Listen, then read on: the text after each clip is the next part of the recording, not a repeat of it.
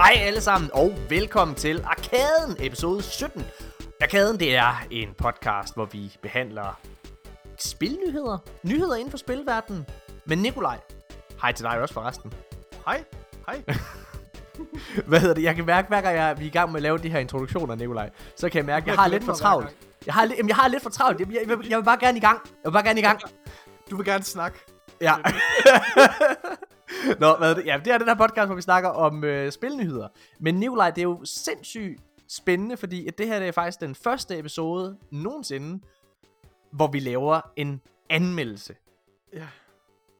Øh, altså, prøv at høre, altså, vi har masser af nyheder med, og tro, tro mig, der er fandme mange. Der, vi har, det er to uger siden, vi er optaget, øh, og undskyld for det forresten. Hvad hedder det? Det, det, det er både mig og Nikolajs skyld. Jeg vil gerne kaste os begge to under bussen øh, ja. Med et brag. Hvad hedder det? Øh, men, øh, men ja, det, det, det kommer lidt til, men der er jo så sket rigtig, rigtig mange spændende ting. Vi skal snakke omkring, at Microsoft er ved at øh, købe, øh, hvad hedder det, Discord efter sigende. Øh, vi skal snakke om Cyberpunk, for der er virkelig, virkelig sket mange øh, nyheder inden for, for CD Projekt Red. De har lige haft et, øh, et, et investors, investors call møde, øh, hvor der kom rigtig, rigtig mange ting ud derfra. Ja. Øh, men så skal vi som sagt også snakke omkring øh, det her spil, som vi anmelder. Og Nikolaj, hvad er det for et spil, vi skal anmelde? Jamen, øh, vi skal anmelde øh, The Medium, som jo er et, øh, et spil, som, øh, som vi har, har valgt at spille, fordi det er dukket op på Game Pass. Nej, det er ikke den eneste årsag til det, men... Øh, Jamen det er, altså, vi, man kan sige, en af, en af, de, en af goderne ved, at vi er skiftet til Xbox, øh, og det var helt klart også noget af det, vi kiggede på, dengang vi, vi snakkede om at, at lave den her podcast. Vi har jo længe, mens vi har lavet De Danske Guardian, så har vi haft lyst til at snakke om andre spil, og, mm. og også spille andre spil. Altså Nicole, jeg, jeg er jo en person, som igennem hele min ungdom, og helt op til 2014, da jeg møder spillet Destiny, altså har gjort en dyd ud af at spille alle spil, jeg hører godt om på den ene eller den anden måde. Det er jo ikke altid, Ja, jeg er enig. ja. Øh, hvad hedder det? Men, men Destiny ødelagde det jo fuldstændigt for det er mig. rigtigt. Det er rigtigt. Øh, fordi altså, siden Destiny kom, har jeg jo kun spillet de der, de der store titler, som The Last of Us Part 2, og Uncharted 4, og Batman Arkham Knight, og altså alle de her spil, Red Dead 2, og sådan nogle spil. Ja. altså sådan nogle, sådan nogle ja, must-play-spil. Triple A titler. Øh, hvad hedder det? Øh, men, men jeg har længere haft lyst til at vende tilbage, og, og Nikolaj, du har jo ikke haft den samme, øh, hvad kan man sige, store spilhistorik, som, som, som, som jeg har haft, men du Ej, er virkelig ved, du er virkelig ved at jeg, komme har, ind. jeg, har, jeg føler, jeg har indhentet rigtig godt. Jeg er kommet ud af min komfortzone og, og begyndt at spille en masse forskellige spil, som jeg aldrig ville have, have overvejet i første omgang. Og, Nej. og meget af det skyldes selvfølgelig dig, Morten, fordi du også øh, presser mig lidt til at, at udvide min horisont lidt, men, øh, men det er også grunden til, at det lykkedes for, den her, for mig den her gang. Øh, for jeg har længe gerne ville gøre det. Øh, men grunden til, at det lykkedes, det er på grund af Game Mm. Pass. Altså, der er ikke nogen anden måde at... Altså, det er virkelig det her med, at, at der Nej. er så stort et spilbibliotek, der er tilgængeligt. Det, det tror jeg virkelig øh, har gjort det for mig. Ja. Så, så Medium, The Medium Ja, er faktisk 100 en af de første spil, øh, som jeg har som jeg har spillet på Game Pass, ud over Destiny. Øhm, Ja. ja. Så det er passende, synes jeg, at vi starter med den. I øvrigt, det her med anmeldelser, det er jo aldrig, aldrig noget, vi rigtig har haft plads til i vores Destiny-podcast, De Danske Guardians, Nej. fordi at, altså, det virker sådan lidt mærkeligt og halvhjertet at lave anmeldelser af kun af Destiny-content, ikke også? Det har ikke rigtig, mm. ja, øhm, det har ikke rigtig haft sin plads. Og, og så efterfølgende, da vi så lavede øh, arkaden her med opdatering tilgængelig og alt det, vi har haft gang i her, der tror jeg også, at vi, vi var tilbageholdende med at lave anmeldelser øh, i arkaden, og simpelthen holde os til at tale om nyheder. Øh, men Morten, jeg synes, det er virkelig fedt, at vi øh, begynder at tage hul på det her med at lave anmeldelser. For jeg synes, øh, ja, det har, tror jeg også længe, jeg har haft lyst til at lave sådan, øh, ja. Vi har jo, øh, vi har jo spillet et hav af forskellige, altså vi har virkelig skyndt os. Altså, øh, er vi har ikke skyndt os igennem spillet eller noget som helst, men vi, er- vi virkelig, altså her siden øh, jeg stoppede med at, og, hvad hedder det, at, øh, hvad hedder det, at lave øh, G.G. Horsens sæson 2, så har jeg, øh, så har jeg og dig, vi har virkelig spillet mange spil. Øh, Så Ja. vi har også lavet et stort øh, katalog, så nu må vi se, hvad, hvad der sker, hvor længe vi kan holde det her kørende. Jeg glæder mig i hvert fald meget. Men øh, Nikolaj, noget som, øh, som vi ikke skal anmelde, men som er Talk of the Town, Ja. det er jo det her spil, der hedder Outriders. Ja, Og jeg synes, inden vi hopper ud i nyhederne og alle mulige ting, så synes jeg, vi skal, vi skal snakke om uh, Outriders, fordi øh, vi har begge to uh, prøvet det af, og det er jo, altså, Mm. det har jo, jeg tror, det har taget mange med storm. Det er i hvert fald, det er det spil, som, øh, som, som mange snakker om for tiden. Både content creators og, øhm, og bare altså, øh, gaming sites generelt. Det er jo den første Ja. store AAA-titel, der launcher her i 2021. øhm, og øh, jeg skal være helt ærlig at sige, jeg havde ikke spillet det, hvis det ikke havde været for Game Pass. Det er jo et spil, der er på, på, på Game Pass her, hvad hedder det, øhm, og, øh, og, og, og hvis jeg ikke bare kunne have hentet det, så tror jeg ikke, jeg havde brugt penge på det. Fordi jeg synes, jeg synes generelt, at marketing har været lidt underlig. Øh, og det er jeg altså ikke mm. enig om at sige. Der er mange, der er rigtig glade for spillet. Øh, og jeg vil meget, vi, vi kommer også til, til, til, hvad vi synes om spillet snart. Hvad hedder det? Men, men, men, men, men marketing, der, der, der har People Can Fly, som, som er udviklerne bag spillet, og Square Enix, som er publishers, øh, altså de har ikke været, de har ikke været helt skarpe i replikken på, hvad det er for et spil. Alle har troet, det var sådan Nej. et Destiny-spil. Ja, altså et uh, game as a service, eller et, uh, ja. Ja, præcis. Et live, øh, live, live spil, som bliver opdateret, og ja. Ja, og hvis du går ind på forskellige, hvad hedder det, review sites og sådan nogle ting, så er det også det, man har troet. Og artworket, altså, jeg, da jeg så artworket for et halvt år siden, eller sådan noget, ikke også? Altså, ja. det, det ligner jo Destiny. Ja, og det, og det låner i hvert fald nogle, øh, nogle elementer fra Destiny også, med deres, øh, med deres class-system, vil jeg sige. Jeg vil sige, sammenligningen går ikke så langt, øh, som jeg troede til at starte med, for det minder egentlig ikke ret meget om Destiny. Øhm, det minder, ved du hvad det minder rigtig, rigtig meget om? Hvad minder det minder sindssygt meget om Gears of War, ja. og så som møder, øh, hvad kan man sige, Destiny slash The Division-agtigt. Øh, ja.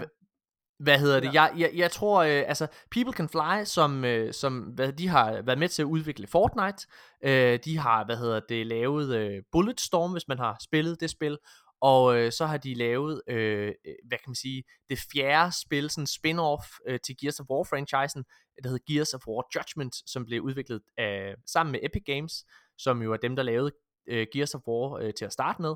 Ja. Øh, da, da, da, da, vi spille snart, Morten, jo, de her Gears of War titler. Ja, det gør vi, og det glæder mig faktisk rigtig meget til. Hvis der er en ting, man kan sige om, om øh, det her Outrider-spil, så er det, at det har givet mig lyst til at spille Gears of War. Hvad hedder det? Ja. Det har jeg. Øhm, jeg skal, okay, jeg, nu siger jeg bare helt ærligt, jeg, det, det er ikke et spil for mig. Nej. Øh, må, jeg har spillet... Må jeg, må jeg dvæle med det her med genren her, fordi det er ikke kun, hvis lige må gå tilbage til det hurtigt, for det er ikke kun, øh, det er ikke kun deres promotion af spillet, øh, som har givet folk det indtryk, at det er en shared world shooter, øh, hvad man skal kalde det, Destiny Division type spil. Jeg, jeg vil sige, når du åbner gameplayet, og de første Altså jeg tror, hvis du spiller spillet og ikke ved bedre, så går der lang tid, før du opdager, at det ikke er og, live action. Øh, og der er rigtig, rigtig meget UI, øh, hvad hedder det, altså, ja. altså jeg, jeg, det, det, det som det, hvad hedder det, Outriders er, det er faktisk, at det er, og det er også unikt, og det er sådan en god ting det her. Ja, det ja. er modsat Destiny, Anthem og The Division, altså hvor, det, hvor man hele tiden sidder og venter på den næste store expansion, der kommer og sådan nogle ting for, uh, altså Outriders er et færdigt spil. Ja. Måske minder det faktisk mere i sin udgivelsesform om Diablo, øh, sådan som jeg ser det, hvor er, at du også har sådan en, hvad kan man sige, en looter på en eller anden måde, ikke også, en, en, en, ja. det er jo en dungeon crawling, men, men hvad hedder det, men hvor, hvor du har et færdigt spil, hvor du sidder og spiller de samme ting igen for at, at udvikle din, din, din karakter. Det er helt ja. klart mere den form, som Outriders er.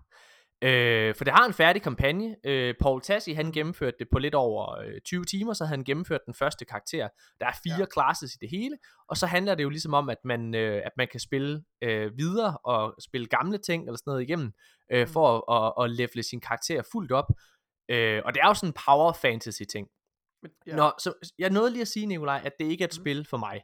Øh, ja. Hvad hedder det? Jeg er level 17, så jeg har spillet en en del af det. Max level er level 30, så vidt jeg er orienteret. Okay, hold op. Øh, ja. Så jeg har, spillet, jeg har spillet en del, ja. jeg har virkelig givet det en chance. Det er til dig, Morten. Det, det har du virkelig. Du har givet det en ærlig chance. Det har jeg virkelig. Jeg har virkelig prøvet. Øh, ja. Det er ikke et spil, der er sjovt at spille alene. Nej.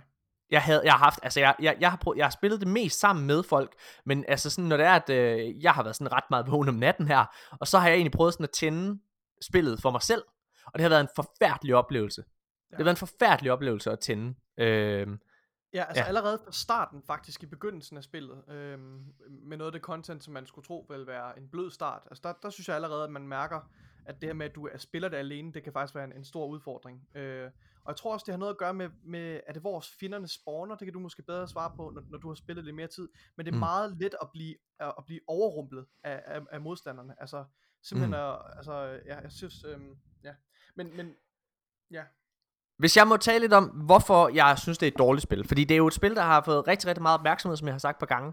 Øh, og jeg kan, jeg, jeg, jeg, kan godt forstå, hvorfor det er en succes. Det vil jeg rigtig gerne komme til. Og jeg tror faktisk også, mod, altså, jeg tror faktisk også, at det her det er et spil, som kommer til at blive en, altså, altså, som kommer til at blive et ret elsket spil. Det tror jeg.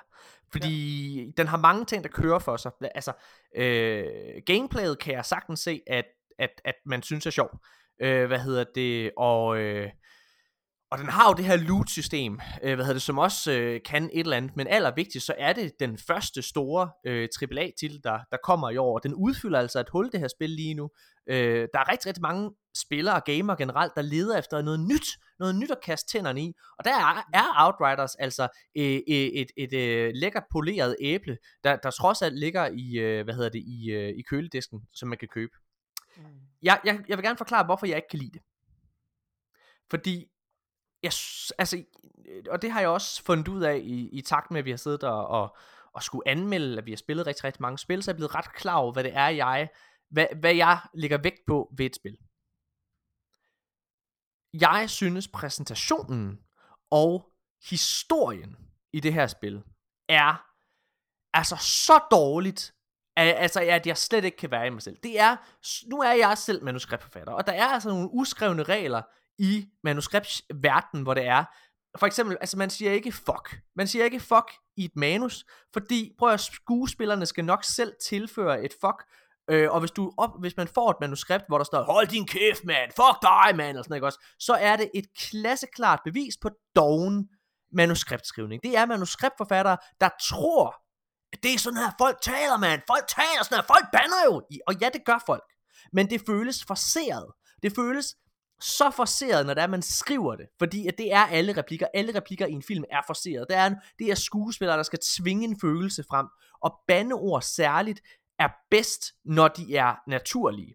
Altså i mine manuskripter er der ikke et eneste bandeord overhovedet. Men hvis du ser G.G. Horsens serien for eksempel, så vil du opdage, at der er mange gange, at man siger fuck, eller hold din fucking kæft, eller sådan noget, ikke også? Men det er fordi, at det er kommet naturligt til skuespillerne.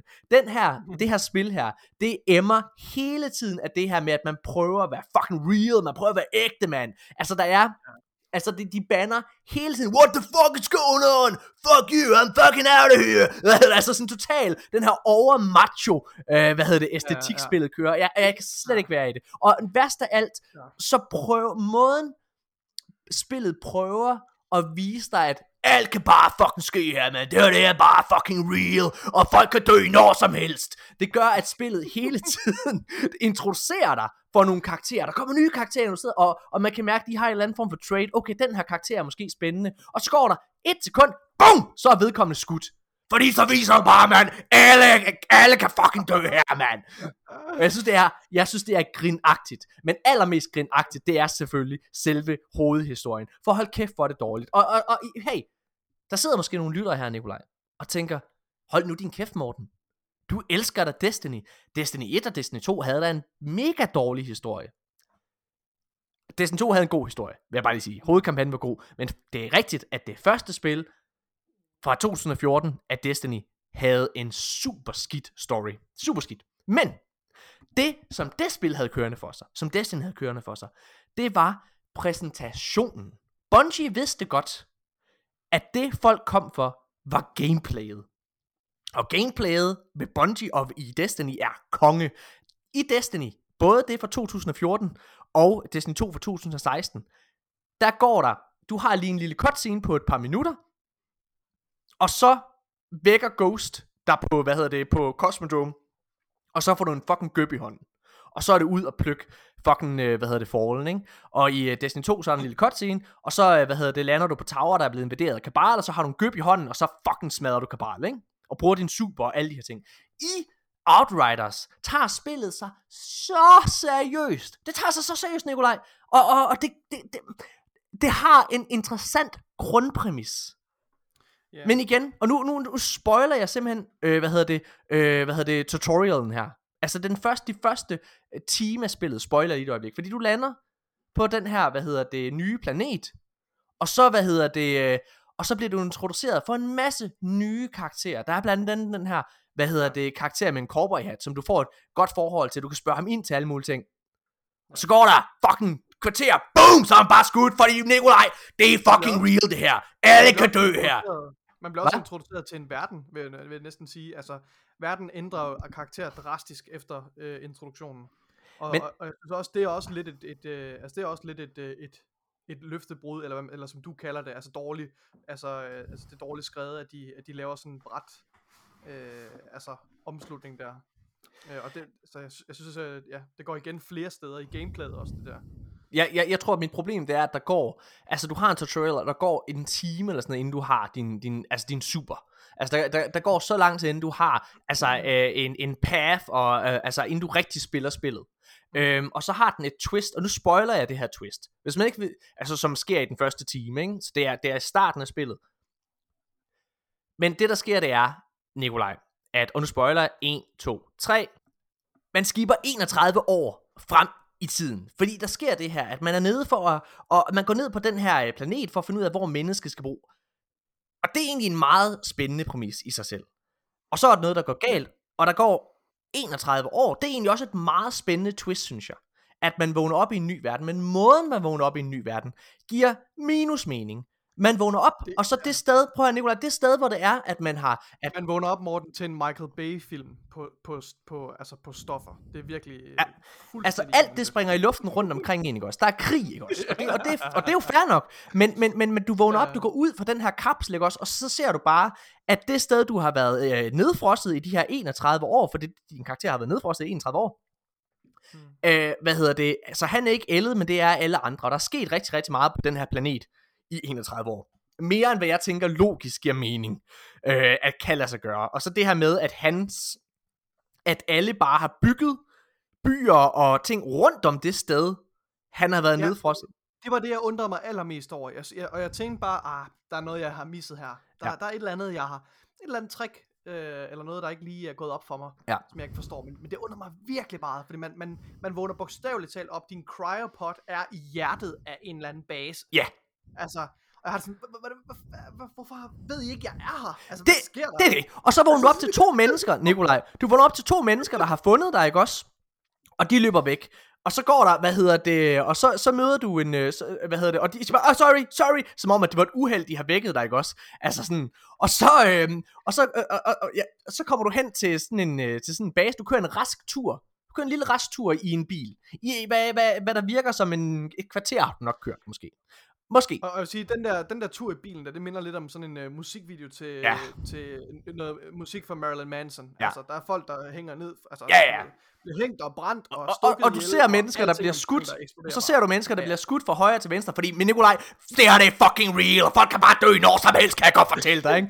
Hvad hedder det? Og så, og så kommer du over til, så kommer du over til en base, og så opdager du, at nogle af de venner, du havde øh, i starten af spillet, de er blevet gamle nu. Ah, spændende præmis.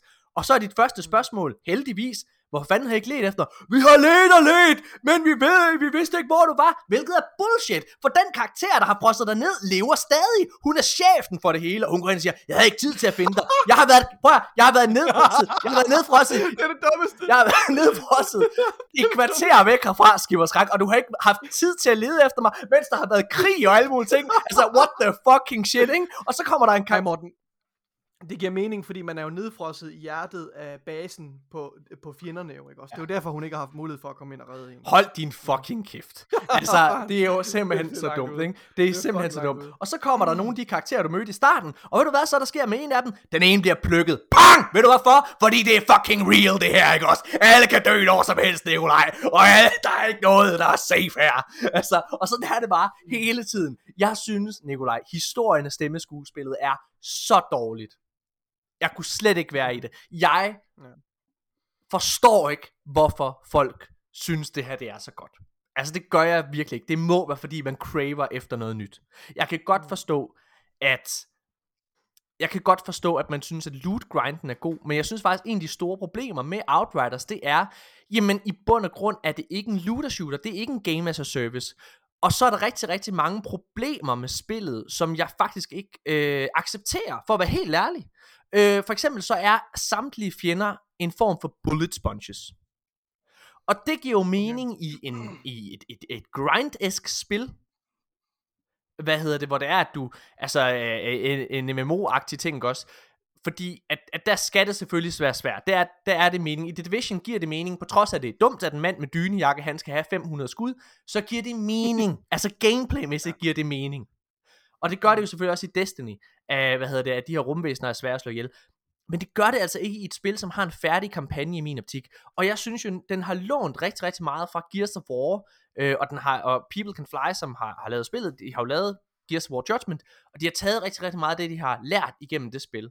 Men problemet er, nu har jeg jo spillet Gears of War 1, 2 og 3, Gears of War 1, 2 og 3 er, føles totalt fast pace, og du sidder og plukker den ene fjende ned efter den anden, så det føles meget hurtigt, for det er, igen, ligesom The Division, altså en mand med, med et armor på, altså du sidder og bruger flere magasiner på at slå ham ihjel, ikke? Altså sådan, det, det, det, det føles bare langsomt, og så er der unødvendigt mange fjender. Jeg forstår ikke helt, jeg synes, jeg synes, det er sådan lidt en... Ja, det er sådan lidt en mærkelig øh, størrelse, synes jeg desværre. Det er helt ærligt. Og... Det, det, altså, det er et magtværk af forskellige spilgenre, øh, som de forsøger at koge ned til det her øh, third-person RPG-spil. Og jeg, og jeg tror, hvis jeg skal komme med en konklusion, igen, jeg har ikke, jeg har ikke gennemført det endnu, og det lover jeg, det vil jeg gøre, fordi at, altså selvfølgelig skal spillet have en, en færre chance, og jeg, jeg skal nok gøre det på, på, på sigt, men jeg synes faktisk også noget andet, der er dårligt ved spillet, det er, at det ikke er særlig grafisk flot. Hmm. Altså jeg synes, nu sad jeg, øh, hvad hedder det, fordi jeg var sådan, øh, at jeg synes ikke det var særlig pænt, og jeg sad og tænkte, hold kæft, men hvor meget har de egentlig lånt for Gears of War? Og så fandt jeg faktisk en, der havde lavet sådan en sammenligning med Gears of War 5, som kom til Xbox One, og som øh, dog er optimeret til øh, Xbox Series X. Det, det skal selvfølgelig lige tages med, ikke? Men der lavede de en grafisk comparison, hvor de også snakkede om, hvor underwhelming, og man kunne se, Altså, hvor mm, øh, altså hvor dårlige karakter ansigtsanimationerne er sammenlignet med Gears of War for eksempel. Og hvad hedder det? Øhm, og, og, og, og, og ja, ja, generelt så synes jeg, at det hele er sådan lidt med. Jeg synes, det er meget middelmodigt det hele. Det er ikke fordi, jeg synes, det er det værste spil, jeg nogensinde har spillet. Jeg synes helt klart, der er sjove elementer i gameplayet. Nikolaj, du sad også og spillede, og synes, at der var sjove elementer i gameplayet, når du sidder, du, du, du spillede ja, som trickster og kunne altså, fryse tiden og sådan nogle ting. Men ja, ja. Men jeg synes, historien er dårlig. Jeg synes, at det hele er meget uinspireret, faktisk. Altså, jeg synes, øh, fjendeanimationerne og, hvad hedder det, øh, tøj og sådan noget, der de har på, det er super generic, det hele. Altså, det er sådan... Og, og, og nu, jeg har jo spillet to af, hvad hedder det, People Can Fly-spil. Jeg har både spillet Gears of War Judgment, hvor de jo har fået meget foræret, men det er det dårligste Gears of War-spil. Er det det? Ja, det er det. Okay, fordi det, det, det, jeg blev lidt nervøs for, uh, for, for Gears of War. Nej, øh, nej, nej. Det, som, uh, Øh, hvad hedder det? Det, det, er, det er det svageste Gears of War spil. Og hvad hedder det? Og så Bulletstorm er en meget middelmodig shooter. Men jeg synes generelt, altså generelt så, så, så tilfredsstillede det mig sgu ikke super meget, det her Outriders. Nej, øhm, nej. Og hvis jeg skulle, hvis der er nogen, der spørger, vil du anbefale mig at købe det eller spille det? så vil jeg sige, hvis du spiller Xbox, så er der slet ikke nogen som helst tvivl om. Prøv at høre, jeg synes det er en, jeg synes det er fucking fantastisk. Prøv at det her spil ligger på Game Pass, og det er frit tilgængeligt for dig, hvis du har det. Hvis du abonnerer her på, kan du bare trykke fucking yeah. go, og altså det er, Altså, og det kan gennemføres på 30 timer jo. Altså, præcis. det er jo ikke fordi, du skal commit til Nej. Game as Service spil, øh, som Destiny vil. Altså, du kan, at, du, kan, du kan klare det på 30 timer. Ja, altså det, at, det skal du selvfølgelig, hvis du vil fully upgrade en karakter. Ikke? Altså, ja, ja. Men, men, men, men ja, altså så, det vil jeg helt klart anbefale. Men jeg vil ikke anbefale at give 500 kroner på øh, Playstation eller på PC, eller hvad fanden det koster. Ikke? Altså, det, det vil jeg sgu ikke gøre. Jeg vil, jeg, det, det synes jeg faktisk ikke spillet er værd. Så synes jeg, der er rigtig, rigtig mange sjovere øh, modeller derude, som man kunne øh, give sig i kast med. Øhm, mm. For at være helt ærlig. Og jeg synes faktisk, at skulle man tage at spille Gears of War, hvis man gerne vil have en god historie, øh, som også er dark and gritty, men på den fede måde. ja, ja. Nå. Det var sådan min, øh, min, min holdning om, øh, om Outriders. Har du noget, du vil supplere med, Nikolaj? Nej, ikke, allerede, ikke noget, der allerede er blevet sagt. Jeg vil sige, at min erfaring med spillet er meget begrænset. Jeg, jeg forsøgte jo at, at, at spille det, øhm, og jeg tror, jeg nåede at, at spille det i to timer. Øhm, og du måtte jo nærmest øh, holde en pistol for min pande, Morten, for at overtale mig til at spille det. Så jeg tror i forvejen, det skal også siges, jeg var i forvejen besluttet om, at jeg ikke havde lyst til at spille det her spil. Og jeg synes ikke rigtig, det sagde mig noget. Jeg synes, det er, jeg synes stadigvæk, det ligner øh, Pølsemandens øh, Destiny. Men jeg tænkte også, okay, nu prøver at give det en ærlig chance. Øh, og grunden til, at jeg stoppede efter to timer, det var fordi, at jeg simpelthen blev smidt ud af spillet øh, tre gange på, på, på 10 minutter, øh, da jeg forsøgte at spille det sammen med min kæreste. Øh, og det synes jeg bare, det var lige det, var lige det sidste søm i kisten, ja. der kunne jeg godt mærke, det her spil, det skal jeg ikke bruge tid på. Der er så mange andre fede spiltitler inde på, på Game Pass, som fortjener min opmærksomhed, og det her ikke er en af, en af dem. Så jeg tager hatten af, Morten, for at du har givet det, øh, at du har givet det så meget nok tid til, at du er, er kommet et rigtig godt stykke ind i spillet, og kan ja. danne dig en holdning til det. Det sætter jeg meget stor pris på. Øh, jeg, så behøver jeg ikke at gøre det. Altså, jeg, der er ikke nogen tvivl om, at, øh, at spillet har haft rigtig, rigtig mange tekniske problemer og serverproblemer siden spillet mm. launchede. Og det er jo fordi faktisk, at spillet er meget mere populært, end nogen havde forestillet sig. Ikke? Øh, og ja. det er jo, og det, det tager jo hatten af for. Og igen, altså, prøv at mig, min og din mening, Nikolaj, er jo ikke lov. Altså, jeg kan sagtens... Den er meget, meget, meget subjektiv, særligt i mit tilfælde. Og, og, og også i mit, altså fordi, at jeg leder efter nogle andre ting i det her spil, og det skal også siges, at jeg har lige haft nogle Altså, jeg har spillet ret mange spil her på det sidste, øh, i forbindelse med vores anmeldelser, og der har jeg altså været udsat for, for nogle helt fabelagtige, øh, nogle af slagsen. Øh, hvad hedder det? Og, og, og der må jeg bare sige, at, at, at der kommer det her bare til kort, så det rammer mig også på et dårligt tidspunkt. Men jeg kan sagtens forstå, altså det vil jeg gerne understrege. Jeg, jeg, jeg tror godt, jeg kan forstå, hvorfor det er, at folk, altså Yeah. Jeg kan både ikke forstå, at folk kan lide det, men jeg kan også godt forstå, at folk kan lide det. Giver det mening, det jeg siger? Ikke rigtigt. Skal vi så ikke bare... Jeg synes, der, er, der er jo stadig folk, der tager ind og ser øh, Transformers i biografen, mm. og folk, der tager ind og ser, øh, og ser ja, Transformers og, og, og, og hvad hedder det, øh, øh, hvad hedder det, Need, øh, Tokyo Drift, hvad hedder den? Nej, det hedder det ikke. Øh, Fast and the Furious. Fast and the Furious serien, det er der også folk, der tager ind og ser, ikke også? Og det er jo også noget, det er jo noget lort, altså lige til at gå op og skide i. Så på den måde kan jeg også godt forstå, at der er folk, der, der gerne vil spille, øh, spille det her.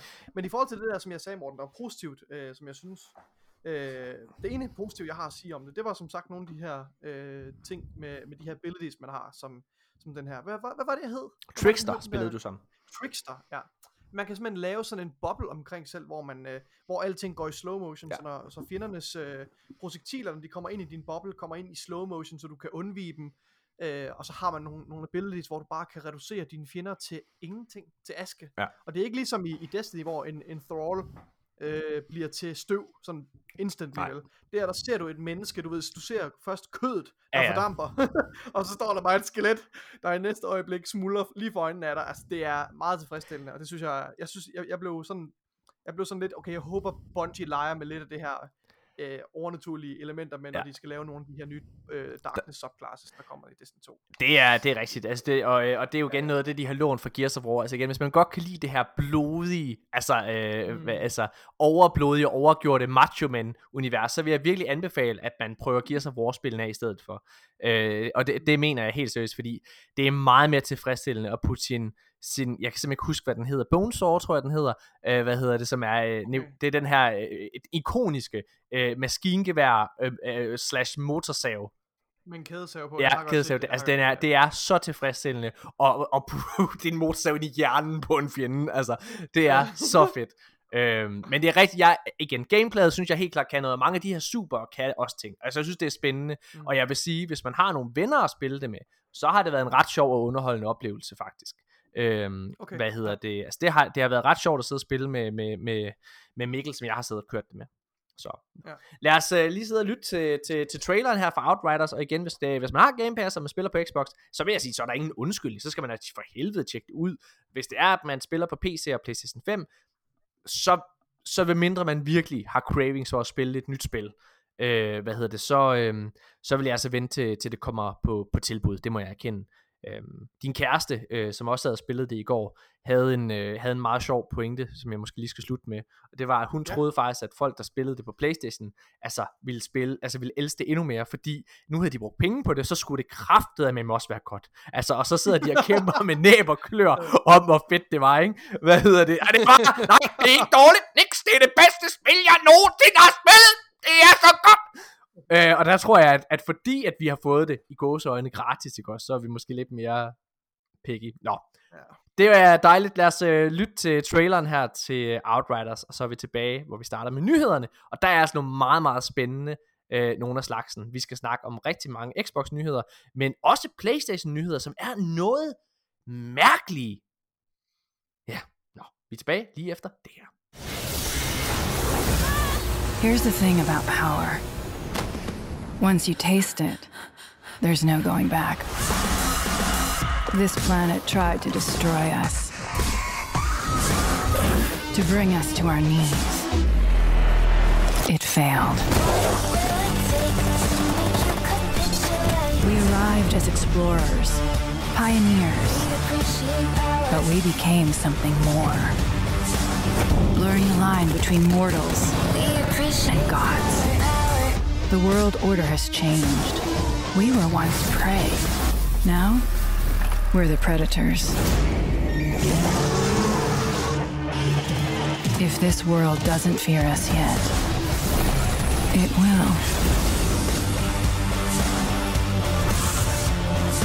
We appreciate power. We appreciate power.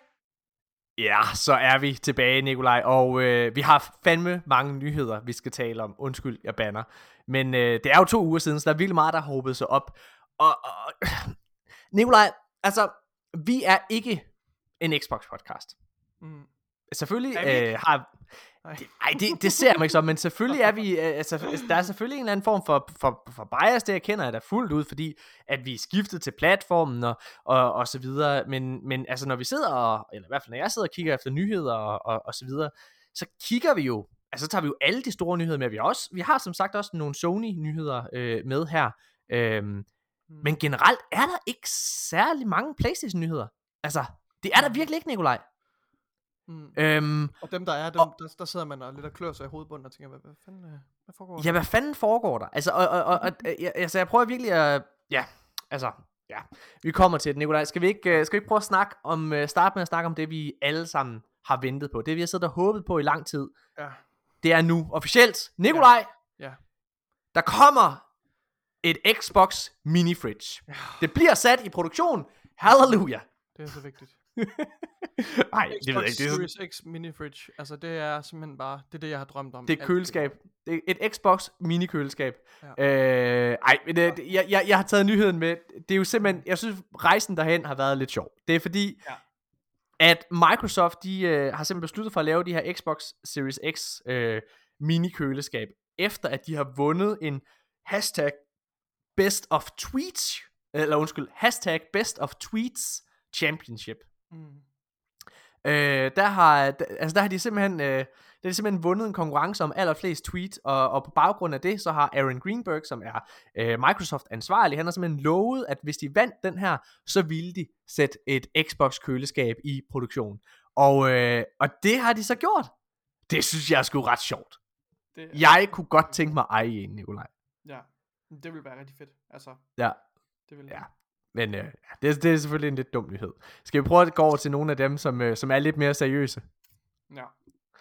Øhm, nu tager vi det i en bestemt rækkefølge, så der man ligesom får så meget, hvad hedder det, øh, med. Fordi altså Xbox har virkelig, virkelig haft, øh, haft, haft travlt øhm, med, med nyheder. Øh, den, den første reelle nyhed her i, i den her omgang, det er, at Xbox, de skifter navn på Xbox Live, og det kommer nu til at hedde Xbox Network.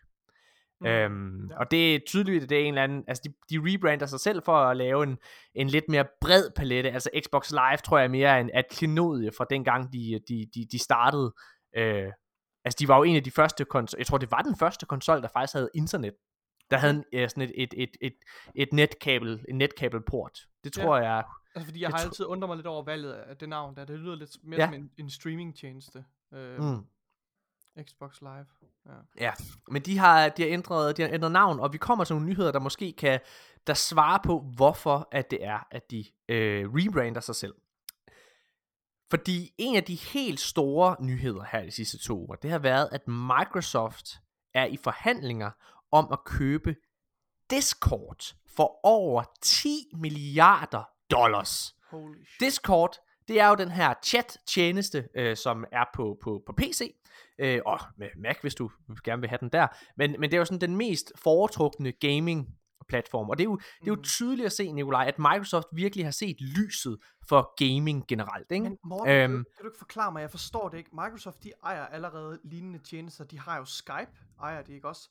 Og Ja. der har de til med også Skype for Business, Yes. øh, som man kan bruge ligesom, ligesom Zoom, ikke også? Det er der, der er mange Ja. virksomheder og skoler, der bruger osv. Hvad er det, de kan vinde ved at få en tjeneste som, som Discord? Det forstår jeg ikke. Altså, der er jo ikke nogen, der har snakket om det her, så det er, det, det er, øh, det er ren tolkning øh, og, øh, hvad hedder det, analyse fra min side. Det, jeg tror, at Microsoft kan vinde ved at købe Discord, det er, og øh, nu, nu, nu, nu, nu tager vi lige noget, en af de helt store ting, Nikolaj, inde i gamingverdenen lige nu. Mhm. Det, som alle snakker om, de gerne vil have, det er crossplay. Men hvis jeg sidder og spiller, øh, hvad hedder det, øh, for eksempel Outriders, så vil jeg ikke kunne snakke med en over øh, Playstation, hvis jeg ville det. Og jeg kan faktisk heller ikke snakke med en over, øh, hvad hedder det, PC, hvis jeg ville det. Så vidt jeg er orienteret. Så skal de jo have en eller anden Xbox-app åbnet, eller hvad man kan sige. Det mest foretrukne gaming chat-system, det er Discord. Og jeg tror, Nikolaj, mm. fordi, altså, jeg har, siddet, jeg har virkelig siddet og tænkt på, hvor, hvad fanden er det, at Microsoft kan få ud af det her? Hvorfor at for 10 milliarder dollars er fucking mange penge? Ja. Jeg tror oprigtigt talt, at det de er i gang med at gøre, og der er ingen, der snakker om det her, men det er, at de køber det for at få monopol på chatsystemet. Fordi PlayStation vil ikke være en del af det her. Og selv hvis de gør, så kommer de til at have et Microsoft-produkt på deres tjeneste, hvor der, som folk ligesom skal, skal bruge i stedet for, hvad hedder det, øh, altså et, et, et PlayStation-supplement for at kunne snakke sammen. Hmm. Altså du tænker på, hvis, hvis Playstation vil, vil, vil lave en eller anden forbindelse med, med PC også, sådan så altså Sony titler Ja. også kommer på PC, ja. ja.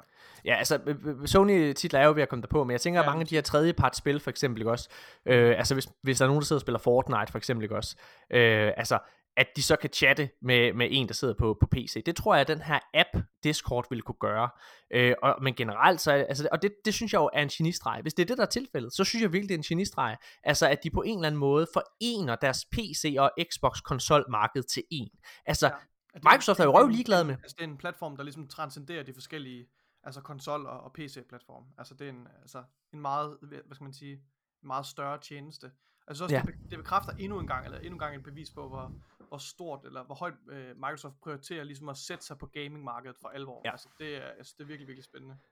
Altså, øh, gaming-markedet er jo, øh, hvad kan man sige, det, det, det er det mest indtjenende, øh, hvad hedder det, marked inden for, for mediebranchen. Det tjener mange flere penge end, end musikbranchen til sammen. Det tjener mange flere penge end filmmarkedet gør. Altså, det er det mest indbringende, og Microsoft har set det her som en mulighed for bare at sætte sig hårdt på det.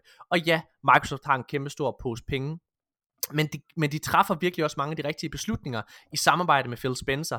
Bethesda øh, tingene er et rigtig, rigtig godt eksempel på det, ikke også? Altså købet, øh, hvor de jo gav øh, 7,2 øh, milliarder dollars for det. De giver endnu mere for Discord, og det synes jeg er et bevis på, at Ja. ja. de vil det her. Altså de, og, de, og, og, og helt seriøst, prøv at tænke på, at PC og Xbox vil kunne snakke sammen så gnidende fris. Altså, prøv at, hvis, der, hvis jeg har overset et eller andet, må jeg så meget gerne lytte øh, skrive ind til mig. Jeg spiller jo ikke på PC, og jeg bruger faktisk ikke Discord selv, men jeg er opmærksom på, at det er det mest populære chatsystem i verden. Altså det er jeg med på. Øh, hvad hedder det? Um, Mm. så, men jeg tror, det der med at Hvad kunne putte, hvad putte disk... Hvad, Jeg tror, det der med at kunne, øh, Xbox kunne- spil til Windows 10, Morten. Hvad hvis jeg gør det i forvejen? Kan man så ikke også chatte med folk, der spiller på Xbox?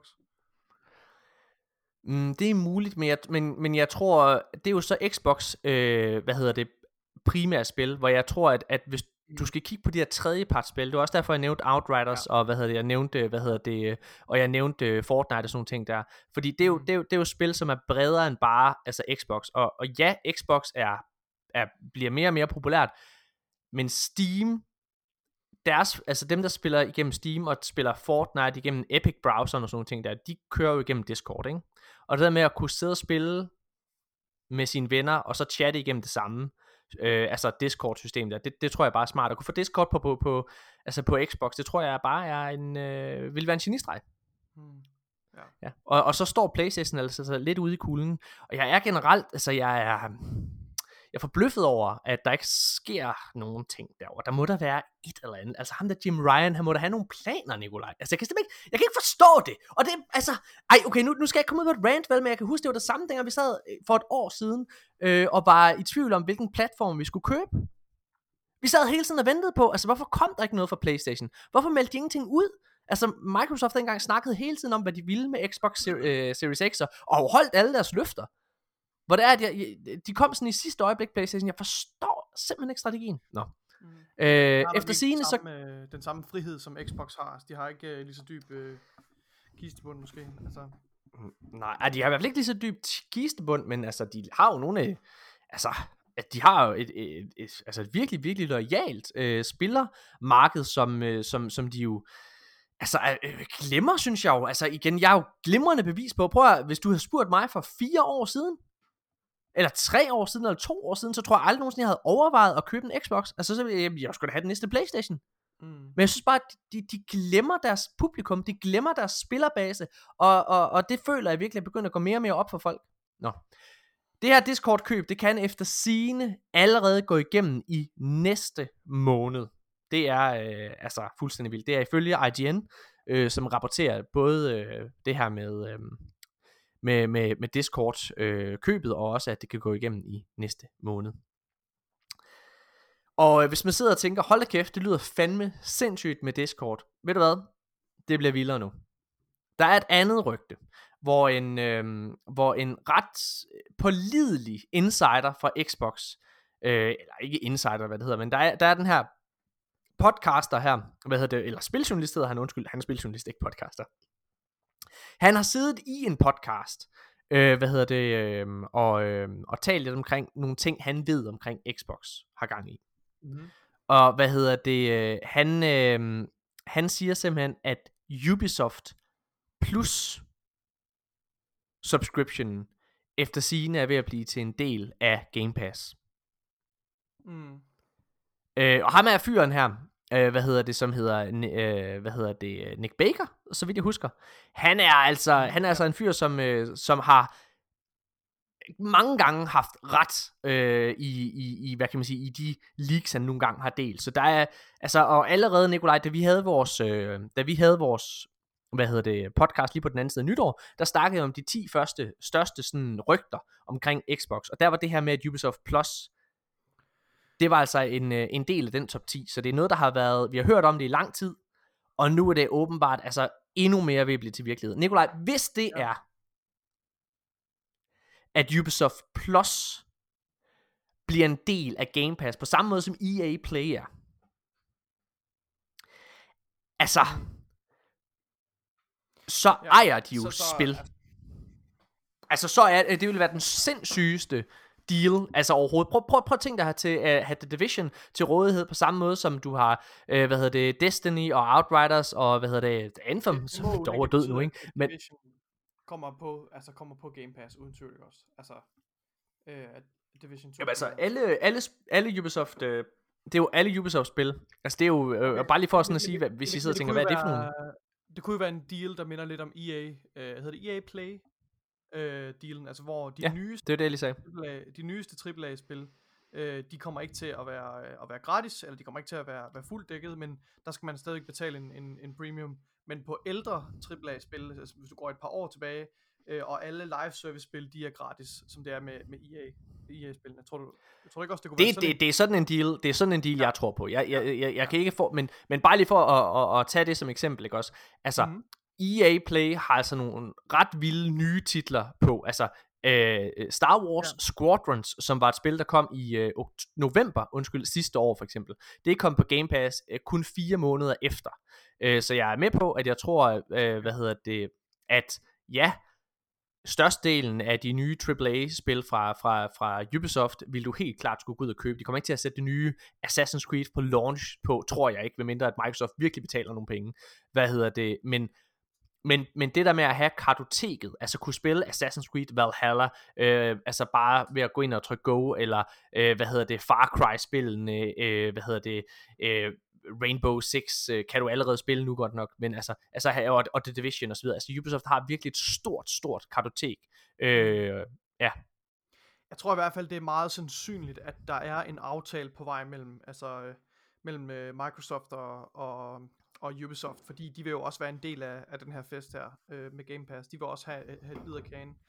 Øhm, det ja, og, og jeg har faktisk ikke taget den, Altså, Og jeg har faktisk ikke taget, øh, taget den her øh, nyhed med, Nikolaj, men, øh, men, men, men, men du har også selv øh, hørt det. Altså, Destiny Gary, øh, hvad hedder det, som øh, spiljournalist, der arbejder på IGN for eksempel, han har rapporteret om, hvor, hvor mange af de her øh, hvad kan man sige, øh, udviklere, der er sindssygt glade for øh, Game Pass, altså som virkelig, virkelig øh, hylder det. Øh, ja, altså det er virkelig, det er virkelig spændende, synes jeg. Ja. Ja, nå, men øh, altså for mig, Nikolaj, hvis det er, at Ubisoft Plus bliver en del af Game Pass, altså det, jeg, det kan jo nærmest ikke betale sig ikke at have et Game Pass abonnement så. Nej. Altså hvis du er gamer, så altså, ja, ja, ja, ja, ja, jeg glæder mig vildt til at se, hvad Playstation øh, finder på. Men altså, igen, det er et rygte, øh, men det er et rygte, som efter sine får mere og mere vind under sejlen. Øh, hvad hedder det? Xbox Live er, øh, øh, det er en ny nyhed, vi går ud til nu. Xbox Live er nu ikke nødvendigt øh, for at kunne have, hvad hedder det, eller Xbox Network, øh, er nu ikke nødvendigt for at kunne have, for at kunne partychatte og køre free-to-play-spil. Mm. Og Nikolaj, det her det er jo faktisk et sted, hvor Playstation har været foran. Øh, jeg fortalte dig den her nyhed, og så sagde du til mig, jamen det har man ikke altid kunnet det på Playstation. Har man, har man, altså har man haft brug for Playstation Plus, for at kunne spille på Playstation. Ja. Og så sagde jeg faktisk til dig, øh, hvad hedder det, det skulle man. Øh, ja. Altså man skulle have Playstation Plus. Og det er, det er fordi, Nikolaj, det skulle man nemlig i Playstation 3-æraen. Mm. Men de gjorde det ved PlayStation øh, 4, der gjorde det faktisk, altså, der, altså der skulle man ikke have et, øh, et abonnement øh, på PlayStation Plus for at kunne Ja. køre Netflix, eller for at kunne køre, øh, hvad hedder det, øh, altså bare for at sidde og snakke med dine venner. Så Ja. det er faktisk et sted, hvor jeg synes, PlayStation har været altså, en del foran. Det undrer mig også, altså at det er, der er gået så lang tid. Øh, Ja. ja, ja, ja. Men, øh, men nu, better uh, late than never, er det ikke det, man siger? Det er lige præcis det, man siger. Øh, En anden nyhed, det er, at Xbox, de havde et øh, sådan et, øh, en, en showcase her i slutningen af marts måned, øh, hvor de viste alle indie-titler frem. Altså det her, der hedder ID at Xbox, øh, hvad hedder det, som er, er, er at der kan, deres paraply, øh, Xbox paraply-system for, for, for indie-titler. Ja. Øh, der havde de en showcase, og, øh, hvor over 100 titler blev vist frem. Det er rigtigt. Og øh, 20 Xbox Live-spil, det vil sige, det er altså ikke Xbox-spil, det her vel. Det, det er ikke Xbox-spil, men 20 af de her indie-titler, de kommer så til at være tilgængelige day one på Game Pass. Der er Stalker 2, og jeg kan slet ikke forstå, at det bliver kategoriseret som en som et indie-spil, fordi det er jo, altså Stalker 2 er jo et, er i den grad AAA, en AAA-titel. Ja. Men der er Stalker 2, den er altså inkluderet som en af de her øh, Day One Game Pass Tror du ikke, tror ikke, den var med altså, som blikfang i, til det her event her, for at, at, at samle lidt omtale, altså for ligesom at løfte de andre spil ind i... Tror du ikke det? For at give det lidt mere Jo, det, kan, det, det, det, tror jeg, det, det tror jeg, du Jeg har ret i. øh, Altså. Altså der er jo, jeg tror, jeg tror, man undervurderer indie-scenen. Altså, der er jo en grund til, at der er så mange, der laver indie-spil. Det er jo, fordi det faktisk Ja. er en god forretning, og der er virkelig mange, der spiller det. Mm. Øh, jeg, jeg, jeg er faldet fra indie-spillene her hen over årene. Jeg spillede det rigtig, rigtig meget øh, i, i den gang lige i starten, da, da indie-spil var en ting. Altså, hvor jeg spillede det rigtig meget på min Visa. Altså, øh, altså at sidde og spille sådan noget ja. som FES, og jeg skal komme efter dig. At det, var, det, var, det var helt fantastisk. Men jeg er virkelig faldet, faldet fra, desværre. Men hvem ved, Morten, øhm, med xCloud, så kan det være, at behovet øh, melder sig igen jo. Ja, og, og man skal jo ikke øh, lade sig narre af, at mange af de her altså, små øh, titler virkelig kan nogle ting, som de store AAA-spil aldrig nogensinde vil kunne. Øh, og det kan jeg altså sagtens skrive under på. Medium er ikke en indie-titel. Nej, det er det ikke. Men det er stadigvæk et mindre, det er et mindre øh, studie, der har udviklet det. Det er ikke et, sådan et, det, man vil karakterisere som et altså, kæmpe AAA-spil. Jo. Altså, det var med det. Ej, men de, lad os snakke om, øh, og hvad hedder det, om dem øh, senere. De, de, ja. øh, et spil, som har fået ret meget, øh, hvad hedder det, øh, opmærksomhed, blandt andet fra IGN, det er The Ascent, som har været deres, øh, øh, hvad, man, sådan, hvad hedder det der, øh, game, month, monthly game, altså hvor man sidder og kigger på, på en titel, hvor i over en Øhm, måned. Hvad hedder ja. det på IGN? Det ved jeg ikke, hvad det er det hedder. Når Nej, men det er sådan, hvor, der er sådan et spil, men som, som af en eller anden årsag har, har vagt IGN's interesse, enten via betalt samarbejde eller noget andet, så, øh, så er de siddet og dækket det på den ene eller den anden måde hen over en Ja. måned. Øh, og der gjorde de det for et år siden på det her spil, der hedder, der hedder The Ascent, og det har, altså, har fået ret meget positiv boss. Øh, det er også en del af den her øh, Game Pass deal. Spændende. Så. Ja, det er spændende. Men Nikolaj, den mest spændende historie, det er den, vi skal snakke om nu, i min Er det, optik. er det det? Er det den mest Ja, det, det er helt oprigtigt. Altså, jeg, jeg, okay. Okay. Mine damer og herrer, der er et PlayStation-spil, som udkommer ved Game Pass ved launch. Og det er lige om lidt. Det er MLB The Show 21. Og der sidder vi helt sikkert i Danmark. Øh, hvad hedder det? Og særligt hvis man ikke er sportsinteresseret. Ah, Og tænker, hvad fanden er det? Og der kan jeg fortælle, at det er et baseballspil. Øh, altså, hvad hedder det? Som, hvad kan man sige? øh, Ligesom FIFA og sådan nogle ting, ikke? Øhm, og, og, og, igen, jeg tror, FIFA er en øh, rigtig god sammenligning, fordi FIFA er, et, er også en spilfranchise, som ikke siger mig et, altså noget som helst, Nikolaj. Det siger mig intet FIFA, mm. eller Madden, eller nogen af de her ting der. Men der skal vi huske på, hvor meget FIFA sælger for. Og hvor populært det er, og hvor meget almindelige gamere, som ikke er så nørdede som, som, som du og jeg, og måske nogle af vores lyttere, hvor man, altså, der, der går man altid bare lige ud og køre FIFA eller Call of Duty, ikke? Det her MLB The Show 21, det er, altså, det er FIFA, uh, FIFA i USA. Altså, FIFA er jo overhovedet ikke populært i USA på samme måde, som det er i Europa, øh, hvor, hvor man spiller soccer eller, eller fodbold. Øh, men, men baseball, det er jo i den grad en nationalsport nærmest, altså i USA. Øhm, og det betyder sindssygt meget for, for, for, for, meget, for mange amerikanere. Og allervigtigst, så er MLB The Show, det er det eneste baseballspil, der er, og det er udviklet af og for, øh, hvad hedder det, PlayStation. For første gang nogensinde i år, så var det annonceret for, for noget tid siden, at det kom på, øh, øh, blev tilgængeligt på Xbox. Og i fredags, så blev det gjort øh, klart, at det her MLB The Show ikke bare kommer på Xbox. Nej, det bliver også altså gratis i gåseøjne tilgængelig, hvis man har Game Pass på day one. På samme måde som Outriders. Så det vil sige, Nikolaj, Mm. at hvis du er PlayStation-fan, og har en PlayStation 5, så skal du altså give 70 dollars for det her spil. For det her PlayStation-spil. Mm. Og hvis du er Xbox-fan, som er konkurrenten, så får du det for free. Det, jeg, altså, jeg tror ikke helt, altså man forstår, hvor sindssygt det her det er. Nej. Og jeg forstår ikke PlayStation. Jeg forstår ikke, at PlayStation ikke går ud og laver et modsvar og siger bare roligt, hvis du er PlayStation Plus subscriber, så får du også det her. Greg Miller, han lavede et tweet omkring det her. Greg Ja. Miller, han er en af de største, hvad hedder det, spiljournalister.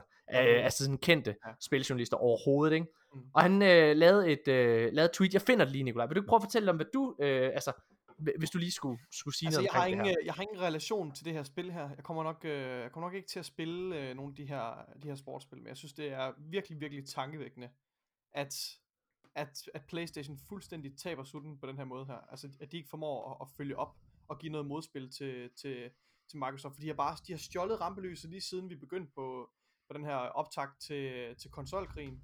Øhm, og jeg synes, det er, det er, fuldstændig, det er fuldstændig vanvittigt. Ja. Greg Miller, han skrev øh, i forbindelse med det her, så skrev han, øh, altså med at MLB øh, blev gratis tilgængelig på Game Pass, øh, så skrev han her på Twitter, What a great look for Xbox and Xbox Game Pass. What a terrible look for PlayStation and PlayStation Plus. Mm. Og det synes jeg virkelig fanger det. Altså, altså, altså indkapsler det sindssygt godt. Hvis man er Playstation-fan, og igen, jeg må understrege, selv hvis du ikke er interesseret i det her spil, ligesom jeg ikke er, prøv at- selvom det kommer på Game Pass, jeg skal sgu da ikke røre det. Jeg er ligeglad. Jeg er røv ligeglad. Men det er det her med, at, at Playstation ikke, altså, de, at de, at, at de slet, slet ikke har øjnene op for deres egen spillerbase. Det er også lidt det, vi snakkede om i starten her. Altså, jeg forstår det ikke. Jeg forstår simpelthen ikke, hvad de har gang i. Mm. At du, at du, at du overhovedet kan sidde og... Altså, ja, nej. Ja, det undrer mig, Nikolaj. Ja. Det er det vildeste, jeg nogensinde har læst. Det her med, at Playstation-spil kommer på Xbox, og så er det fucking gratis tilgængeligt på Game Pass. og så skal du... Be- men hvis du er Playstation-spiller på Playstation 5, så skal du betale 70 dollars for det. Hvad fuck sker der? Øh, det sidste søm i kisten, Morten, for, for den her struggle mellem PlayStation og Xbox, det bliver, når, når det næste God of War Ragnarok, det kommer øh, til Game Pass. Men det, man skal stadig betale fuld pris på PlayStation. Nej, det kommer selvfølgelig aldrig til at ske. Det er jeg med på. Altså, prøv, jeg er jo også med på, at det her MLB... Du må ikke... Ej. Jamen, jeg er sikker på, jeg er sikker på, at der er nogle af de der fanboys for, for Playstation derude, ikke også, der sidder og siger, jamen, jeg er da ligeglad med MLB The Show. Prøv at. Man bliver simpelthen nødt til at kunne se over vandet her. Altså, man bliver nødt til at kunne se, hvad, altså, øh, hvad, det her, hvad det er, det betyder. Det kan godt være, du er ligeglad med det, men det handler om det signal, det sender, Playstation sender til deres spillerbase. Øhm, nå, lad os gå videre. Nu er der lidt mere positive nyheder, hvad hedder det, til, øhm, til, til, til Playstation.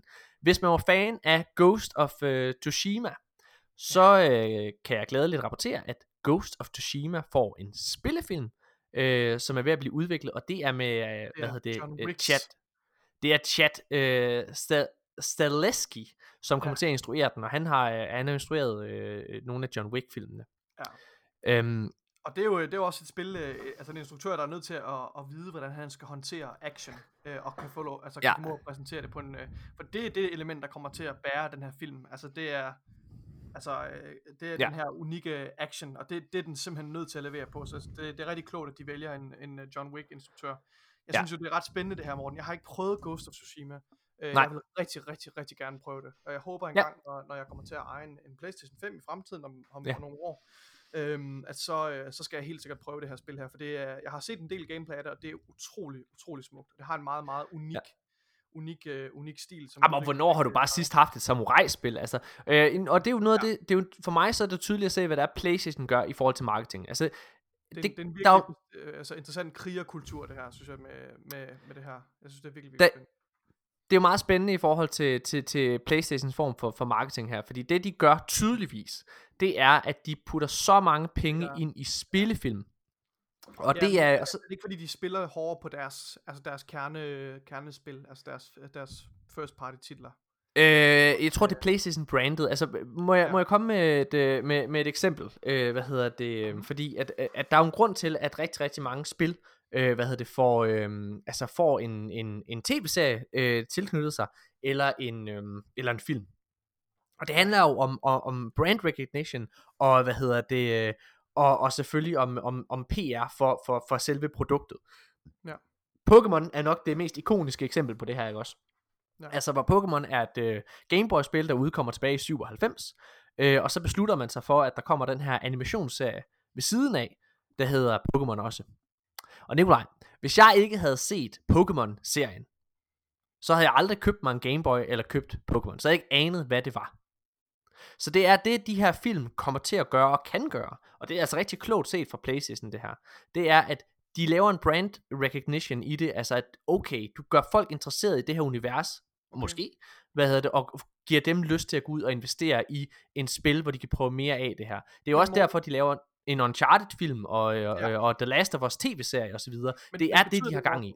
Betyder det, at- at PlayStation vil etablere Ghost of Tsushima som en franchise, på samme måde som Ja. Uncharted? Altså nu, Naughty Dog laver jo ikke længere Uncharted, men der er et andet Nej. studie, der kommer til at pick up the mantle og fortsætte den franchise, ikke også? Det er der ikke nogen tvivl om. Altså, det, det, Øh, jamen, det er der ikke nogen tvivl om. Altså, Ghost of Tsushima solgte mere end The Last of Us Part 2 i, uh, hvad hedder det, si- sidste år. Så der er jo ikke nogen tvivl om, at der kommer en efterfølger. Det, det, det, er, det, det er helt tydeligt. Øhm, og, øhm, altså, og, det, og det er altså ret mange eksemplarer, den har solgt. Så, øh, så, så Ja. det er det. det. Der kommer helt klart en Ghost of Tsushima 2. Øh, og ligesom der selvfølgelig kommer en, en Uncharted mere. Og det skulle ikke undre mig, fordi jeg har siddet og tænkt på, hvorfor fanden er det, at det næste øh, Uncharted har en ung Nathan Drake i rollen. Øh, jamen det er nok fordi, at så følger man The Young Adventures of Nathan Drake, desværre, eller sådan noget pis, ikke? Altså, Okay. ja, ja. Det, det, det kunne man frygte. Jeg håber jo, at det er efter. Øhm, Ja. Har du forresten, øh, sjov side note, har du forresten, øh, hvad hedder det, øh, altså, hørt, øh, hvad hedder det, øh, Tom Holland, øh, altså, svine den her film til? Nej. Han, Tom Holland, der spiller Nathan Drake, har i et interview siddet og svinet til filmen til. Nej, er det rigtigt? Det bliver jeg nødt Ja. til at se. Har, du ikke, har jeg ikke sagt det? Nej, det har du ikke sagt, Morten. Okay, det, fi- okay snak Nikolaj, så finder jeg det lige. Det, har jeg, det vil jeg da gerne, det vil jeg da rigtig, rigtig gerne vide. Det kan være, at jeg skal tage hul på den næste nyhed, Morten, hvis du lige vil, gør hvis det. du lige vil lade mig. Fordi det synes Ja. jeg faktisk er lidt, uh, lidt interessant. Det næste Call of Duty, øh, siger rygterne, det kommer til at hedde Vanguard. Og det næste Call of Duty-spil, der kommer her i 21, det er, er udviklet af Sledgehammer Games, øh, som jo har lavet, øh, før det, hvad har de lavet? De har lavet øh, Advanced Warfare, som også fik lidt blandet modtagelse. Øh, og så har de arbejdet sammen med en, en uh, Infinity Ward på, øh, på, hvad hedder det, Modern Warfare 3 og så videre. øh, Ja. som heller ikke fik en super god modtagelse. Så det er en af de, et af de mindre studier her, øhm, og det øh, bliver efter sine et, øh, eller det tror jeg er bekræftet, det bliver et 2. verdenskrigsspil. Og det, vi befinder os lidt, øh, lidt mærkeligt sted lige nu øh, for Call of Duty, fordi jeg, nu, har jeg, nu har jeg lidt fingeren på pulsen på både Call of Duty og, og, og Battlefield øh, communities, og hvad der sker der, og jeg vil sige, Battlefield har et virkelig, virkelig interessant produkt i deres pipeline. Det bliver måske øh, et af de største, hvis ikke, øh, altså det, det mest eftertragtede Battlefield-spil i, i serien nogensinde. Altså der er rigtig, rigtig meget hype omkring det næste Battlefield-spil. Ja. Øhm, men og jeg tror virkelig, at, øh, at Call of Duty kommer til at ligge lidt i skyggen lige nu. Øhm, fordi folk er ikke klar og har ikke lyst til et nyt øh, 2. verdenskrig øh, Modern Warf- eller undskyld, øh, Call of Duty spil.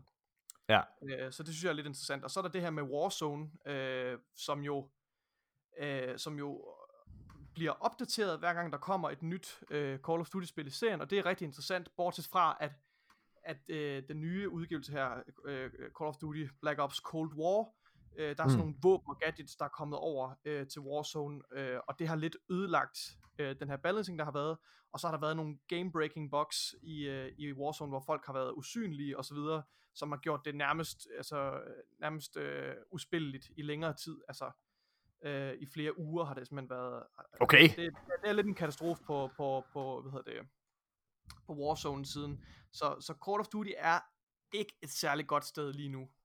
Øh, og jeg tror, jeg tror virkelig, at Battlefield kommer til at løbe med, med, med, med hvad hedder det, med rampelyset. Øh, og, og den, ja, det synes jeg er virkelig, virkelig spændende. Det er spændende. Nikolaj, øh, hvad hedder det? øh, Nu har jeg sendt et øh, link til dig omkring det her med Tom Holland, hvor han sviner filmen lidt til. Øh, vil du ikke læse højt? Øh, fordi du er altså bedre til engelsk, end, øh, end jeg er. Okay. Øh, hvad hedder det? Og du skal gå ned... Du, hvad siger du? Jamen, det, er, det er ikke, det er, ikke det, det er fra en, en artikel. Okay, okay. Øh, hvad hedder det? øh, Så du skal bare gå ned, og hvad hedder det? Øh, og så skal du, øh, så skal du bare lige finde... Altså, det han siger, det er, altså overskriften, det er IGN, der rapporterer om det her. Uncharted-filmen, Tom Holland, han siger, at han, altså, hans uh, approach til hans performance som Nathan Drake var en fejl. okay. Uh, hvad hedder det? øh, Han siger, at det var en, uh, it was a mistake, and is something that I will probably never do again. Okay. Vil du gå ned og så, hvad hedder det, læse uh, hans quote op, det er lige ovenover uh, videoklippet øh, fra, uh, altså fra Ja, IGN's egen Der er et quote her, der starter med, As soon as you start worrying about, do I look good in this shot? Acting becomes something other than playing a character, Holland told uh, the publication. Uh, I think there are elements of my performance in Uncharted where I kind of fell under that spell of being, I want to look good now, I want this to be my cool moment. I had to play this very tough, very stoic guy, basically be Mark Wahlberg. Okay, så for det første, så vil jeg bare lige gerne bryde ind her, ikke? Altså for det, det er første, overhovedet ikke Nathan Drake, jo. Hvad sker det der? det er nemlig, det der, det er nemlig Det er ikke Nathan Drake. Nathan Drake. Altså, prøv at høre, very tough, Okay. very stoic guy, What? Basically Mark er Wahlberg, det er jo ikke Nathan Drake, det der. Altså, så for det første, altså alt ved det her, han siger, det får bare mine alarmklokker til at ringe, Nikolaj, fordi ha, det her, det er ikke en Uncharted film. Jeg aner ikke, hvad de har gang i, men det er tydeligvis ikke. Og bare det her med, at de har mere Altså, nu er jeg jo kæmpe fan, som mange andre, af Indiana Jones-filmene. Og det, der er fantastisk ved Harrison Ford, og gør, at, at, at, at, at han, nu har du selv set uh, Indiana Jones 3, Nikolaj, efter min opfordring. Mm. Øh, hvad hedder det? Og det, der gør Harrison Fords performance som Indiana Jones fantastisk, det er, at han altid ser lidt forvirret ud, når der sker et eller andet action. Altså, han, er, altså, han er slet ikke klar på det her. Ja. Altså, han er altid... ja. Og han er altid meget, ja, Harrison Ford, han spiller det altid sådan sindssygt overrasket over, hvor heldig han er, at han klarer sig ud over de, af de her, hvad hedder det, ja, farer, ikke også? Ja. Øhm, og, og det er altså det samme, som Nathan Drake gør i spillene. Han er altid, wow, that was lucky, wow, that was lucky, Hans reaktion er altid sådan, wow, shit, og sådan noget. Ja. did you see that? Did you see that? Hvad er det ikke også? Altså, det er jo ikke, det er jo ikke tough and... Ja, simpelthen, what the det er fuck? det, han er. Altså, når han slår, når han, når han slår et våben ud af hænderne på en, på en, altså, øh, på en Ja. ja. anden brute, så kommer han altid med en eller anden kæk bemærkning. Altså Ja. sådan noget. Mens han, øh, altså prøv at høre, det, det, det lyder overhovedet ikke som Nathan Drake her. Skal Ja. jeg læse det næste citat op her, der er, der er det, Ja, det må du gerne. Uh, my my character is supposed to be a fucking action hero in this moment, he explained. Look, I haven't seen it, so I don't know if if I succeeded in that. But it was an important lesson learned because at times it was less about uh, land a mark and go through this scene, and more about land a mark, stand like this, see my uh, bulging biceps. It was a mistake, and it's something that I will probably never do again. Det synes jeg, ej, det- Morten, Prøv at høre, når du har en det er hovedkar- virkelig ked af det her. Det Du har en hovedrolle, der sidder, og, og det, altså, han sviner hans egen film til her. Det kan godt være, han gør det, ikke intentionelt, men det er det, han gør. Nå, Nikolaj, vi, vi har simpelthen så mange nyheder, jeg skynder mig altså videre nu. Nej, det er ærgerligt, det her. Det er virkelig, virkelig ærgerligt. Det bliver virkelig... øh, Ja. Nikolaj, vi skal snakke rigtig meget om CD Projekt Red lige nu. Ja. Øh, men det er alligevel stadigvæk lidt over i Sonys øh, boldgade til at starte med, fordi vidste du, at det er 100 dage siden, at Cyberpunk, øh, hvad hedder det, 2077, blev fjernet fra PlayStation Store, og der er ingen forlydninger om, hvornår PlayStation lader det spil komme tilbage. Altså, det er jo, det er jo katastrofalt, Morten. Altså det, men jeg vil sige, der er jo heller ikke rigtig, selv med den nye opdatering, som vi skal tale om om et kort øjeblik, der er der ikke øh, de store ændringer på de gamle konsoller, altså på, Mm. på PS4 og, og Xbox One. Så, så der er Jeg synes, de det er mærkeligt. Jeg synes, det er mærkeligt, at man ikke kan lade det være tilgængeligt på Xbox Series S og X, øh, hvad hedder det, øh, undskyld, undskyld, nu snakker Xbox, det gør man jo herover. sorry. Jeg, jeg synes, det er mærkeligt, at man ikke har det tilgængeligt på, hvad hedder det, PlayStation 5's store. Ja, At man ikke, at man ikke, og, og selv hvis det er svært ligesom at lade det, altså være så, så, så, så sådan, altså ligesom at du jo ikke kan spille et PlayStation øh, 5 spil på din PlayStation 4, så bare gør sådan, at det kun er tilgængeligt på en PlayStation 5, hvis du købte det. At der står det PlayStation 5. Det undrer mig simpelthen der, og jeg, nu, og, nu må jeg bare lige sige noget, Nikolaj, fordi jeg har faktisk, øh, her den forgangne uge her, der har jeg faktisk været inde og spille Cyberpunk igen. Er det rigtigt? Øh, hvad hedder det? Øh, jeg, jamen der, altså, åh, igen, jeg sad og spillede Outriders, og synes det var røvkedeligt, og så fik jeg lyst til at lave noget andet. Så gik jeg ind og spillede Cyberpunk. Øhm, og, jeg, og jeg holder altså fast i, Nikolaj, jeg synes, at Cyberpunk har altså fået en unødvendig hård øh, modtagelse. Ja, ja, ja. Det, det har vi snakket om før, men jeg, jeg, jeg har sgu altså en blast derinde. Jeg er også, altså, jeg er jo, og det, det ved du også, Nikolaj, jeg er jo nået til det der sted, hvor det er, at spillet siger, this is a point of no return. Hvad hedder det? Så jeg føler lidt, jeg har gennemført spillet. Altså, der er simpelthen så meget content, jeg vil lave, inden jeg går tilbage. Spoiler alert, men, men når, det, at, når det, man har gennemført spillet, så bliver man jo sendt tilbage til det her punkt. Ja, jeg, jeg hader den måde, de håndterer det her med point Ja. of no return, og, og det her med, Ja, ja. en slutning, og man, og man har mulighed for at spille alle mulige slutninger. Det har jeg ikke lyst til. Det her, det skal Nej. være et, et, role-playing game. Jeg vil bare gerne ja. spille én Ja. slutning, tak. Og så skal den Men jeg synes, det-. Men Nikolaj, jeg synes, det er mærkeligt. Jeg synes, det er mærkeligt, at Playstation ja. agerer på den her måde. Og ja, det er da katastrofalt, og der er sikkert mange, der vil sige, det er bare CD Projekt Reds egen skyld. Ja, ja, men prøv nu at høre her, at du ikke vil sælge det på en Playstation 5. Det kører fremragende på en Playstation 5. Altså, og det, det lover jeg dig. Ligesom det kører fremragende på min Xbox Series X. Altså, det gør det altså. Det kører upåklageligt. Ja, der kan der helt sikkert godt være grafiske opdateringer, og det glæder mig til kommer. Men altså, det er fremragende. Jeg synes, det er et, jeg synes faktisk, det er et rigtig, rigtig godt spil. Øhm, ja, Det et det holder jeg fast i. Men, Ja, det er øh, det. Ja. Nå, men der er andre nyheder omkring det, Nikolaj. Ja, der er kommet en, en øh, kæmpe stor opdatering. Opdatering øh, 1.2 er kommet til, øh, til Cyberpunk, som lovede, altså CD Projekt Red har jo været nødt til at gå ud og lave noget damage control her. De har lovet, at der vil komme en meget omfattende øh, opdatering, og øh, den er så kommet nu. Og der er ingen, der har, der har forsøgt at læse alle ændringerne op, for der er så mange Ja. ændringer. Og det er jo meget positivt, Morten. Øhm, Ja.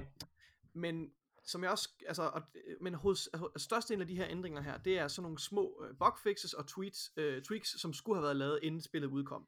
Så hvis du booter øh, Cyberpunk op, så vil jeg våge at påstå, særligt hvis du har gennemført kampagnen, så mærker du ikke den store forskel. Nej, nej. Det, er den, det, er det, jeg, det er det, jeg mærker, og det synes jeg er rigtig øh, er skuffende et eller andet Men- sted. Jo, Men men, sådan er det jo, Nikolaj. Når, altså, så det, det. that's part of the game. Altså, jeg vil bare sige, at der er jo Ja. rigtig, rigtig mange. Jeg tror, jeg tror, at der er rigtig, rigtig mange, der har ventet med at købe spillet, til der kommer en next gen opdatering eller et eller andet. Ikke? Altså, på, nu snakker jeg konsol. Jeg tror, øh, på, igen, på PC har det altså været rigtig, rigtig fint, øh, hvis man har en Ja, ja. god PC. Men nu er det Så. bare ærgerligt, hvis du ejer en PS5, Morten, så er der jo stadigvæk ikke noget at gøre.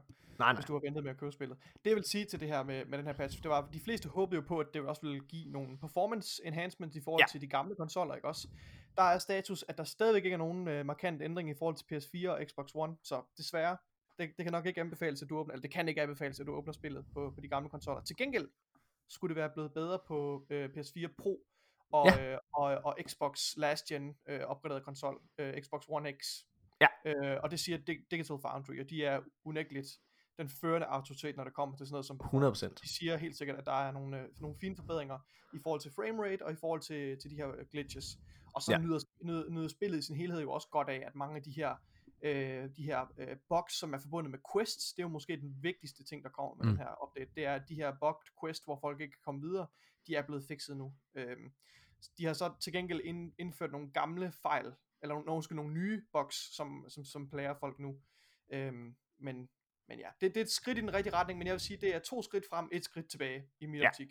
Øh, også fordi jeg føler stadigvæk, at, at nogle af de ting, som slukker mig mest på Cyberpunks verden, det er, at det kommer så meget til kort i forhold til, hvor believable øh, deres NPC's er, og hvordan Mm. politiet mm. reagerer, når du laver en crime osv., øh, og, og fysikken i spillet er stadigvæk øh, horribel, altså med, med, med, med biler, når, Mm. du, når du ruller med en bil og så Ja, ja. og galt, Det er rigtigt. det er stadigvæk lort. Så der er, mange, der er lang vej endnu, føler jeg, før at, at, øh, at, jeg, har, at jeg brænder for at komme ind igen i spillet. Jeg, jeg, jeg, jeg, hvis, hvis folk... jeg glæder altså mig til igen, at komme igen. Øh, jeg, jeg, jeg, øh, hvis folk spurgte mig, om, øh, om, om de skulle købe spillet, så vil jeg sige, hvis de har en god PC, og de har en PlayStation Ja, 5, eller en. Xbox Series X, kom i gang. Kom i, det er virkelig, det godt spil. Det er Fantastisk spil. Generation, men øh, Ja, men det er det. Det ej, det, ved- ej, det ved jeg ikke, om det er, men det er et godt spil. det synes jeg, det er. Nå, det må øh, hvad hedder det? En ny nyhed også omkring CD Projekt Red, det er, at de køber et kanadisk studie. Lad os kalde det CD Projekt Red Vancouver. Øh, det er i hvert fald det, som det i, øh, flere udvik eller undskyld, flere øh, gamejournalister øh, ja. munde er blevet omtalt. Øhm, og hvorfor gør de det? Hvorfor, Hvorfor køber de et gjort nyt studie? Hmm. Jamen til den her earnings investor call, øh, som Mm. CD Projekt Red har haft, der er de faktisk annonceret over for deres investorer, at fra 2022, så vil de begynde at udvikle både Witcher. The Witcher og et øh, nyt Cyberpunk AAA-spil samtidigt.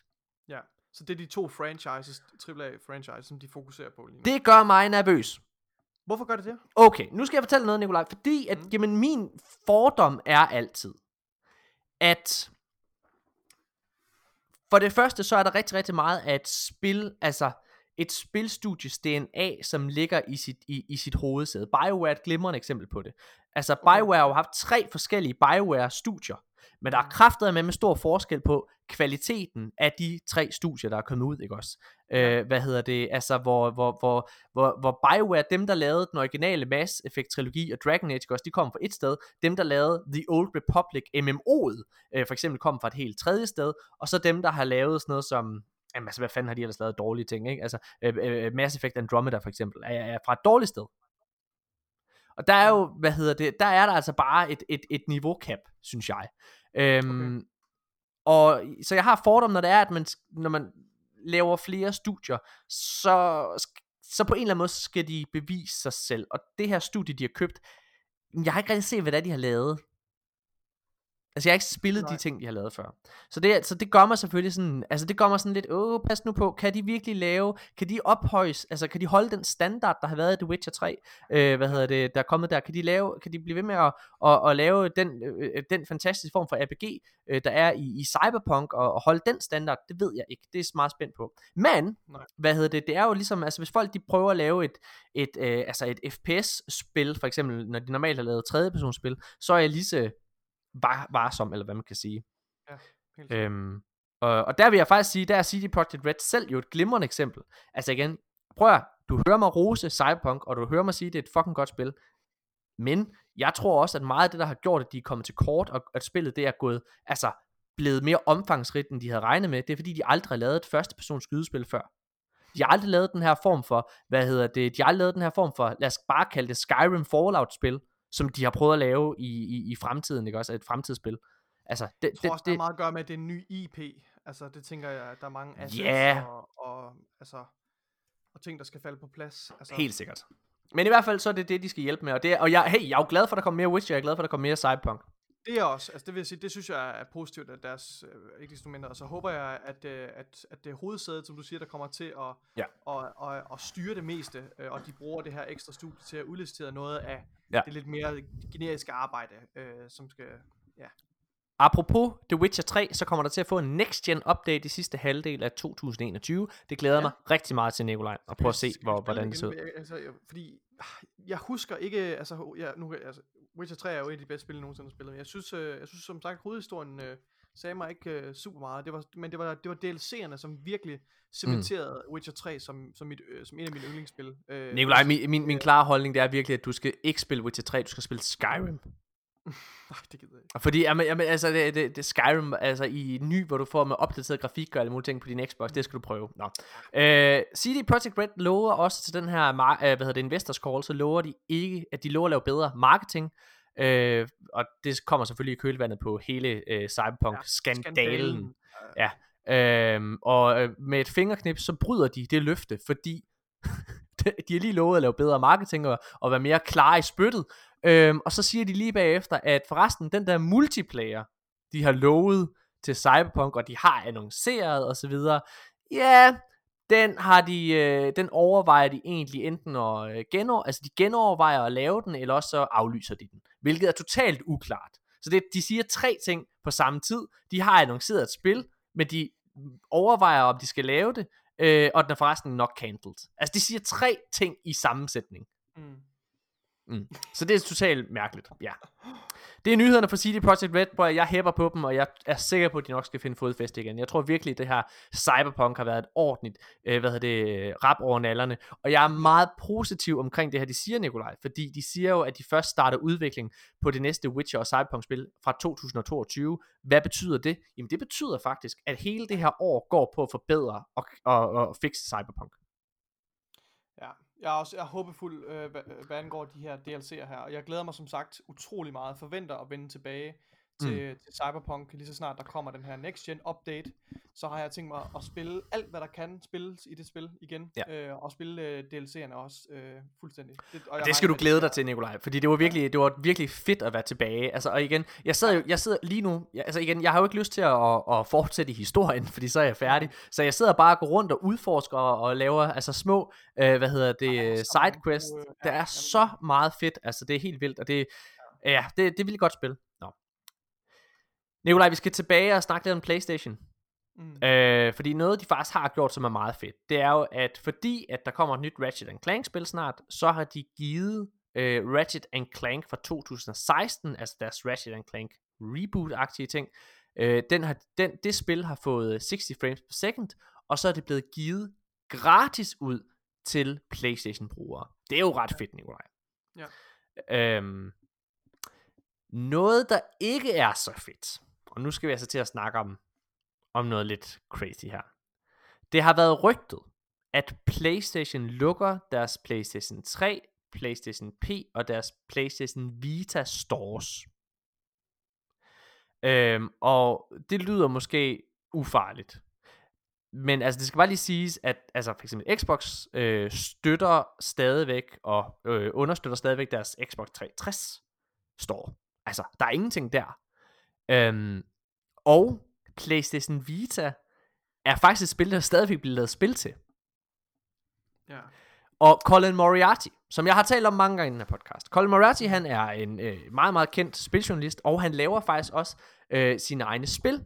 Det her rygte, da han blev præsenteret for det i hans podcast Sacred Temple, som jeg anbefaler at give et lyt, hvad hedder det, så, øh, så siger han, det, her, det tror han ikke på, fordi altså, han er ved at udvikle et spil til PlayStation Vita lige nu, og har lige købt, hvad hedder det, dev kits, øh, altså, øh, altså kit til at, til at lave de her spil til PlayStation Vita, og han har altså ikke hørt noget omkring det, da de fik det udleveret. Det troede han ikke på. Så er det i, øh, så er det så blevet annonceret i sidste uge i torsdags, tror jeg, at det er officielt. PlayStation lukker PlayStation 3, PlayStation PSP og PlayStation Vita Store. Og GameSpot, øh, hvad hedder det, har, har øh, hvad hedder det, rapporteret, at nogle PlayStation Vita udviklere faktisk ikke var advaret om, at PlayStation Store ville blive lukket. Og derfor er deres PlayStation Vita spil nu cancelled. Det, det, er det, er, det er katastrofalt, Morten. Altså, det er jo fuldstændig hjernedødt. Ah, men Nikolaj, altså, jeg... Ved du hvad, nu skal jeg fortælle dig noget, Nikolaj. Jeg er med på... Jeg, hey, hey, jeg vil, gerne, jeg vil gerne medgive. Jeg kan godt fremstå som en Xbox, øh, hvad hedder det, fanboy, og at jeg er blevet det. Og det er jeg sikkert også blevet. Men prøv lige at høre her. Hver gang jeg snakker med nogen, der fucking spiller Playstation, så bliver de ved med at forsvare dem. Playstation og deres beslutninger, og de har gjort det i de sidste halvandet år, hvor jeg har siddet, altså inden jeg overhovedet havde besluttet at købe en fucking Xbox, der har jeg siddet og sagt, Playstation laver den ene mærkelige beslutning efter den anden. Og jeg må bare sige, Nikolaj, det her er endnu et klasse eksempel på det. Altså, og, og, og bare i den her, bare i den her podcast, Nikolaj, så har vi siddet og snakket om det der med, at de også, altså, så et Playstation-spil bliver gratis tilgængeligt på Game Pass, men ikke på Playstation, ikke for deres egen spillerbase, og så sidder de her, deres egne spiludviklere, Nikolaj. Ja. Deres egne spiludviklere sidder ikke engang og ved noget om det her. What the fucking fuck, Nikolaj? Ja. Hvad, altså... Ja. Hvordan kan man blive ved med at forsvare Playstation? Altså helt seriøst, nu siger jeg bare noget, ikke? Jack Trenton, som var manden, der stod for Playstation 3 og Playstation 4, han var en fucking juvel. Det var ham, der gjorde, at Playstation 4 blev til det fucking fede produkt, det gjorde. Det var ham, der fik Playstation 3 tilbage. Og han stoppede på toppen. Efter han havde vundet med Playstation 4, så stoppede Jack Trenton. Han stoppede, hvad hedder det, fordi han sagde, prøv at, jeg har opnået alt det, jeg kan. Så var der en anden fyr, der overtog midt i PlayStation 4, og han blev fyret meget mystisk midt i det hele. Jeg tror, der var nogle skandale ting.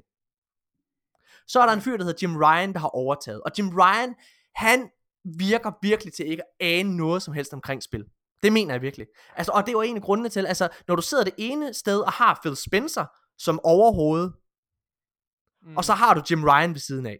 Altså, Phil Spencer, han er en gamer selv. Det er Jim Ryan ikke. Nej. Ja, må, jeg, må jeg komme med en rigtig, han rigtig... ligner, Han ligner simpelthen sådan et, øh, altså, stereotyp, øh, sådan en rigtig corporate, gammel corporate type. Og, og må jeg komme med et rigtig, rigtig godt eksempel på det her, Nikolaj? Og det mener jeg faktisk. Det her, det mener jeg er et godt eksempel. Mm. Og det er noget, alle kan forstå. Fordi alle kender populærkultur, og alle kender Marvel og DC. Lige nu som Xbox-mand, så føles det at være Xbox-mand, det føles som at du har Kevin Feige. Manden med planen, ham der ved, hvor man skal hen, og alle Marvel-film er fucking fede, og det, og det bliver bare bedre og bedre og bedre, ikke? Og så over i øh, DC-land, så har du haft, du har haft, øh, hvad hedder det, øh, du går tilbage, der har du haft øh, The Dark Knight, og øh, ting med Christopher Nolan, ligesom Playstation havde Playstation 4. Vi er uovervindelige, nu bliver det bare fucking fedt, mand. Så får vi lige en ny en ind, okay, okay, hvad så? Hvad så, Zack Snyder? Kan du, øh, kan du lave det her, kan du lave det her fedt? Nå, okay, det, åh, nu bliver det noget rodet noget. Ah, men vi kan stadig, vi prøver noget helt tredje. Det er sådan, det er, sådan, det er at være, altså være Xbox, øh, øh, undskyld, Playstation fan. Det må være ligesom at have Zack Snyder, eller Patty Jenkins og alt muligt. Altså, det er fucking mærkeligt at være DC-fan. Sådan må det også være at være X- øh, Playstation-man. Altså, hvad fanden foregår der? Mm. Ja. Jeg har, Nikolaj. lige, jeg har lige fundet en, uh, en Jim Ryan uh, comedy uh, account på Twitter, som laver nogle ret sjove tweets, hvor de gør grin med, altså udgiver sig for at være Jim Ryan og gør, og gør grin med alle de her ting, de beslutninger, som Sony tager. Ja. Det er ret sjovt. Hvad, kan du komme med et uh, eksempel? ja, vi snakker om, øh, okay, så her i forhold til, øh, han skriver her, Yes, we are removing the ability to purchase new content for PS3, PS Vita and PSP later this, this year. No, we are not taking your already purchased games away from you, I swear. Og så skriver han, den er hans fastgjorte tweet, det er også, uh, Hello PlayStation players all over the world. Um, I am delighted for the opportunity to bring myself closer to you all here on Twitter. Looking forward to selling you a lot of PS5s.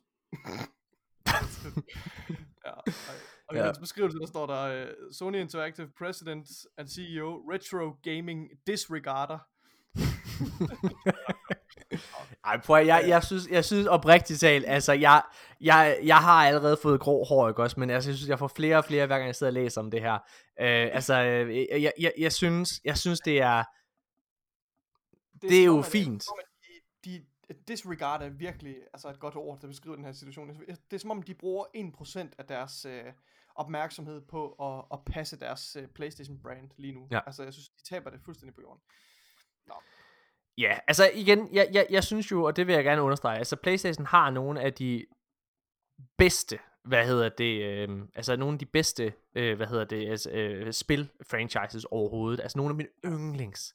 Prøv at høre, altså, jeg skal have en PlayStation 5 på et eller andet tidspunkt, men, men, men jeg må bare sige, at grunden, altså årsagen til, i min optik, årsagen til at gøre PlayStation 5 til din primære konsol, den bliver altså mindre og mindre, synes jeg. Det må jeg bare erkende. Altså uanset hvor fucking hardcore fanboy du er. Jeg, jeg, jeg, jeg må da sidde... Det kan, man kan da ikke undgå, at når man sidder her og spiller Outriders, så kan man da ikke undgå at sidde og tænke, det er lidt mærkeligt, at man skal betale, hvad har det kostet, 500 kroner eller sådan noget, ikke? Hvad har det, altså, det må, at det, har været, det må være lidt mærkeligt, at man skal betale 500 kroner for det spil, mens at andre bare får det gratis. Og så, og så, okay, så selv jeg, der sidder og siger, ja, men du får det jo gratis, du betaler jo for Game Pass. Ja, okay, fint nok. Så lad os tage det argument. Men det må da stadig være mærkeligt at skulle give 500 kroner for et Outrider-spil, mens jeg betaler 100 kroner. altså, det, det, er jo det samme, hvis du, hvis du tager laver den, øh, hvad hedder det, ting. Og så vil jeg bare lige sige, jeg via Game Pass, bare, bare, altså bare det her år, der har jeg spillet 10 spil indtil videre. 10 spil, Nikolaj, har jeg spillet. Mm. Og det har du også, ved jeg. Så altså, det er, jo, det, er jo, det er jo helt sindssygt, og det er alt sammen igennem Game Pass. Prøv at tænke, Nikolaj, hvis vi skulle have spillet, hvis vi skulle have købt 10 spil, hvor mange penge det havde været. Altså, jeg, jeg, jeg kan simpelthen ikke forstå, at Playstation, de skal oprigtigt talt, de skal fucking til at tage sig sammen, og så skal de give deres spillerbase et, et tilsvarende produkt som Game Pass. De skal simpelthen ind i kampen. Og, og, og, og altså, jeg kan slet ikke forstå, at de kan tillade sig at vente så længe. For Så mig at se... gang med at så nogle frø til fremtiden, som de kan høste i fremtiden, ligesom øh, som Microsoft har gjort. Altså, de har virkelig behov for, at de... Øh, altså, det her nye Ratchet Clank-spil, det bliver nødt til at få 10 ud af 10. Fordi det kommer til at koste 70 dollars. Og det er lige meget, altså de, igen, et 60 dollars spil her hjemme i Danmark, det koster, hvis du skal købe det for ny, så kan det koste 550 kroner. Et 60 dollars. Uh, så du kan ikke lave en direkte altså oversættelse på pengebeløbet, vel? Vi snakkede om det her i går aftes, Nikolaj. Et 70 dollars spil kommer efter sine ud fra Sound Venue i Danmark, hvad hedder det, så kommer det til at koste mellem 600 øh, og 700 kroner. Og det er Gearbox, der har øh, bekræftet det til Sound Venue. Der må jeg bare sige, at jeg kan huske selv mig, ikke også, som jeg har forholdsvis mange penge. Selv mig, når jeg har været nede i en butik, Nikolaj, ikke også? Selv mig, når jeg har været nede i en butik, der har der været et eller andet i mig, der har siddet og tænkt, ej okay, det koster 550 kroner, det gider jeg ikke rigtig at give. Hvis jeg sidder og ser, at det koster over 600 kroner, eller hvis jeg ser 699 for eksempel, så har jeg det sådan lidt, jeg tror virkelig, der er mange studerende, Nikolaj. Det er jo næsten hele deres, altså det, hvad er det? Er det, er det 25% af deres SU? Morten, 700 hvis jeg kroner. skulle bruge 600 kroner for alle de spil, jeg spiller, altså, så ville jeg have brændt igennem min opsparing nu jo. altså jeg kan slet det er helt vildt, og det der, det der Returnal-spil, der kommer her i, lige om lidt også, altså Playstation, det bliver jo nødt til at få 10 ud af 10, når det skal koste så meget. Nå, Ja. Nikolaj, det var alle nyhederne for i dag, og undskyld, rant, øh, det, det beklager. Nu øh, holder vi en kort pause, øh, og så skal vi øh, simpelthen i gang med vores allerførste anmeldelse nogensinde, og det er The Medium. Her kan I lige sidde og lytte lidt til traileren til spillet.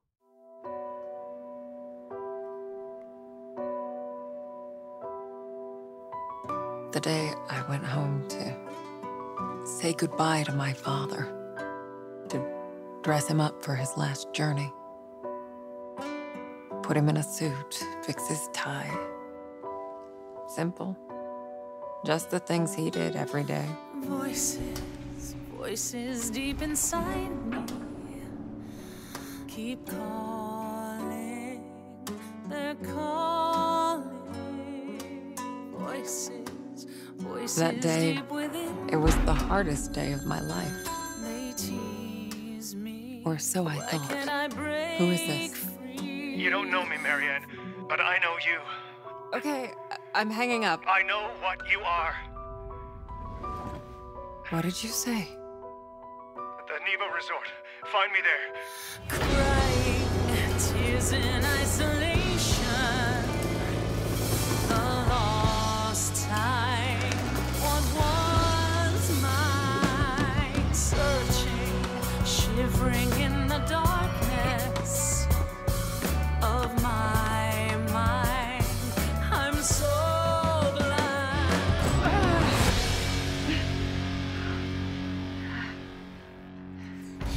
there. Why? I- I'm Sadness. Voices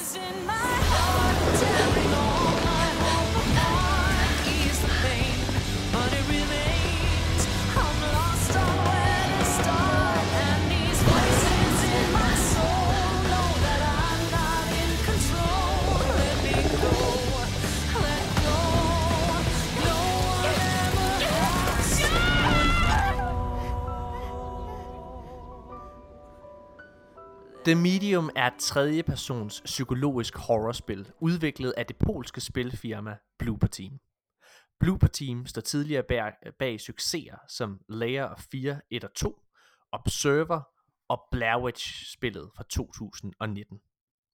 Horror har været en gennemgående genre i de fleste af deres spil, og The Medium er ingen undtagelse. I The Medium spiller man som Marianne, der netop har mistet sin adoptivfar. Marianne er en stærk klaveriant og er i stand til at kommunikere med åndeverdenen.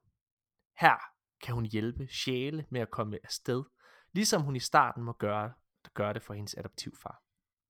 En dag får hun en opringning fra en mand, der hedder Thomas. Han beder hende rejse til The Niva Resort, og hvis hun vil hjælpe ham, så lover han til gengæld at give hende svar på de spørgsmål, hun har søgt hele sit liv. Men opgaven viser sig hurtigt at blive den største og mest udfordrende, hun har oplevet. I det medium kan man spille på to plan. Åndeverdenen og vores verden. Og her, og her viser den ofte verden på to forskellige sider af samme mønt. Det fører til puzzles, gåder og andre udfordringer, der kun kan klares ved at skifte mellem de to verdener. Nikolaj, hvad var dine forventninger til The Medium? Men jeg vidste faktisk ikke rigtig, hvad jeg, hvad jeg gik ind til, Morten, og det var jo måske også lidt modvilligt, at jeg sagde ja til at spille The Medium, fordi det er et, øh, et horrorspil, og jeg har aldrig øh, selv spillet et horrorspil.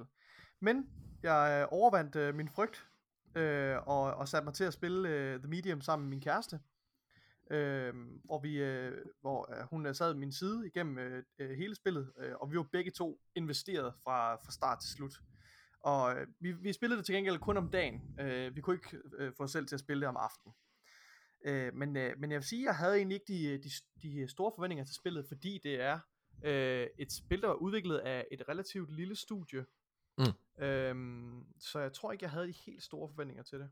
Nej, hvad hedder det? Blooper Team, som jo er det her polske spilstudie, de, øhm, de har jo tidligere lavet en masse spil, som har fået forholdsvis gode anmeldelser, Ja, men som, øh, men som jeg ikke har spillet. Jeg har ikke spillet Blair Witch-spillet fra 2019, øhm, og jeg har heller ikke spillet The Layer 4, som skulle være åbenbart ret godt. Øhm, hvad hedder det? Men jeg er faktisk- heller ikke...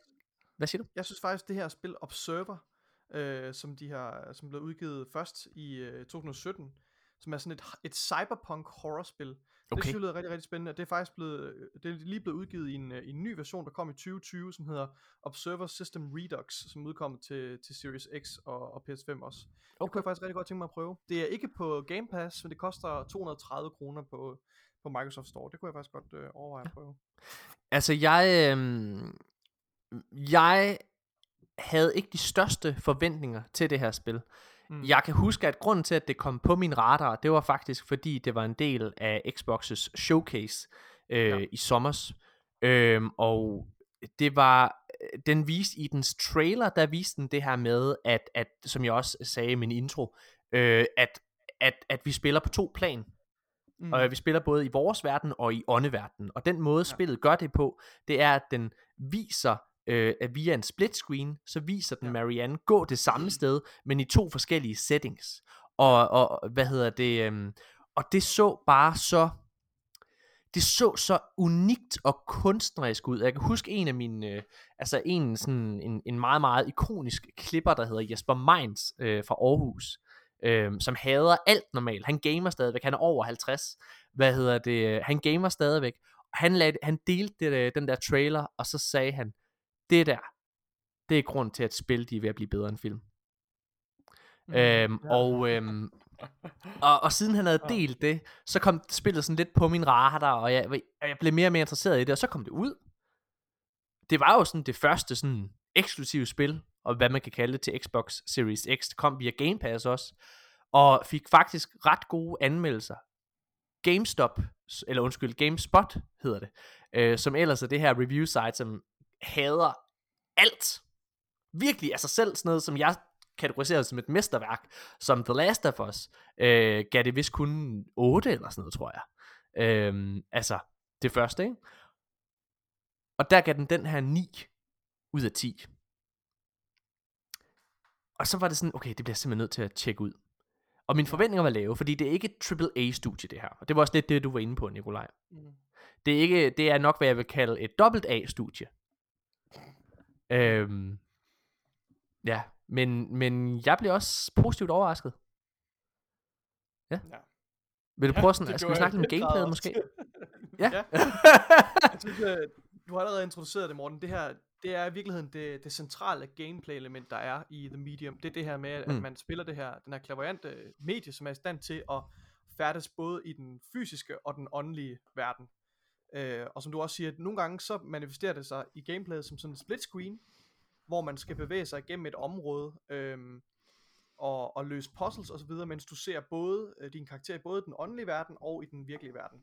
Mm. Øh, og, og- men, men i størstedelen af tiden, så befinder man sig enten, mener, kan, mener jeg kan huske, enten befinder man sig i, i, den, i den åndelige verden, altså i fullscreen, eller, man skal sige, eller så befinder man sig i den fysiske verden. Ja. Øh, men jeg synes faktisk, måden de, måden de formår at bruge det her gameplay element, er virkelig, virkelig godt.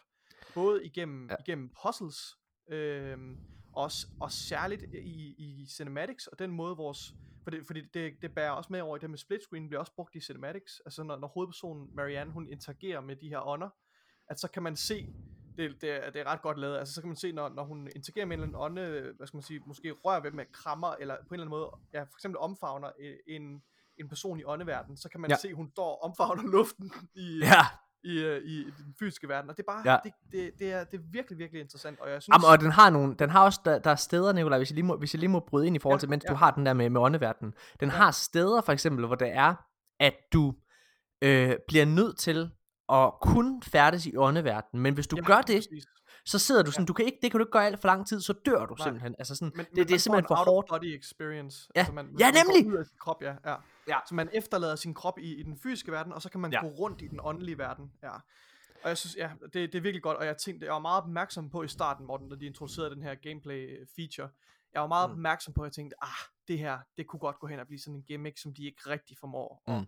at bruge til sit fulde potentiale. Mm. Men det bliver jeg nødt til at sige, det synes jeg i den grad, det gør. Synes du ikke det? Altså, det, at de formår at, at virkelig at bruge det både i puzzles og gameplay og, og cutscenes osv. Altså generelt, så øh, det her spil tog faktisk røven ret meget øh, på mig, må jeg erkende. Ja. Altså, jeg jeg jeg vi kommer ikke til at spoil noget som helst, bare lige roligt. Nej, altså, vi kommer ikke til at nej. spoil historien, vi kommer til at snakke overordnet omkring det.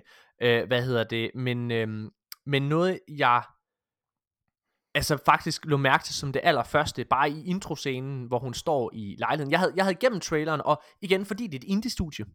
Mm. Indie-studier har øh, sjældent store mængde penge. Så jeg troede faktisk, at hele spillet det ville være på det her hotel, eller hvad man kan sige. Det troede jeg faktisk igennem traileren, at det hele ville være.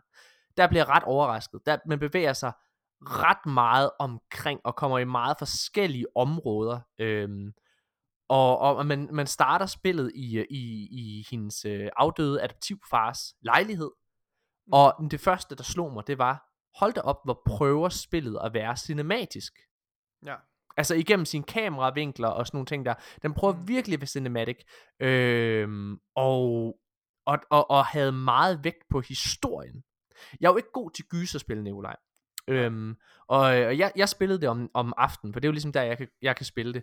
Øh, og der er en gang i spillet, hvor der er et jumpscare. Der er et jumpscare i hele Ja, spillet, der og der blev jeg, der var jeg ved at, der var jeg ved at kaste øh, controlleren væk, øh, hvad hedder det, så bange blev jeg ikke også, men, men, men egentlig så synes jeg ikke spillet var så uhyggeligt, det var meget intenst, Ja. men, men, men jeg synes, Ja. jeg synes, jeg synes, at det som spillet virkelig slipper afsted med, det er, at den ligger meget mere vægt på historien, Ja, end den præcis. ligger vægt på gyset.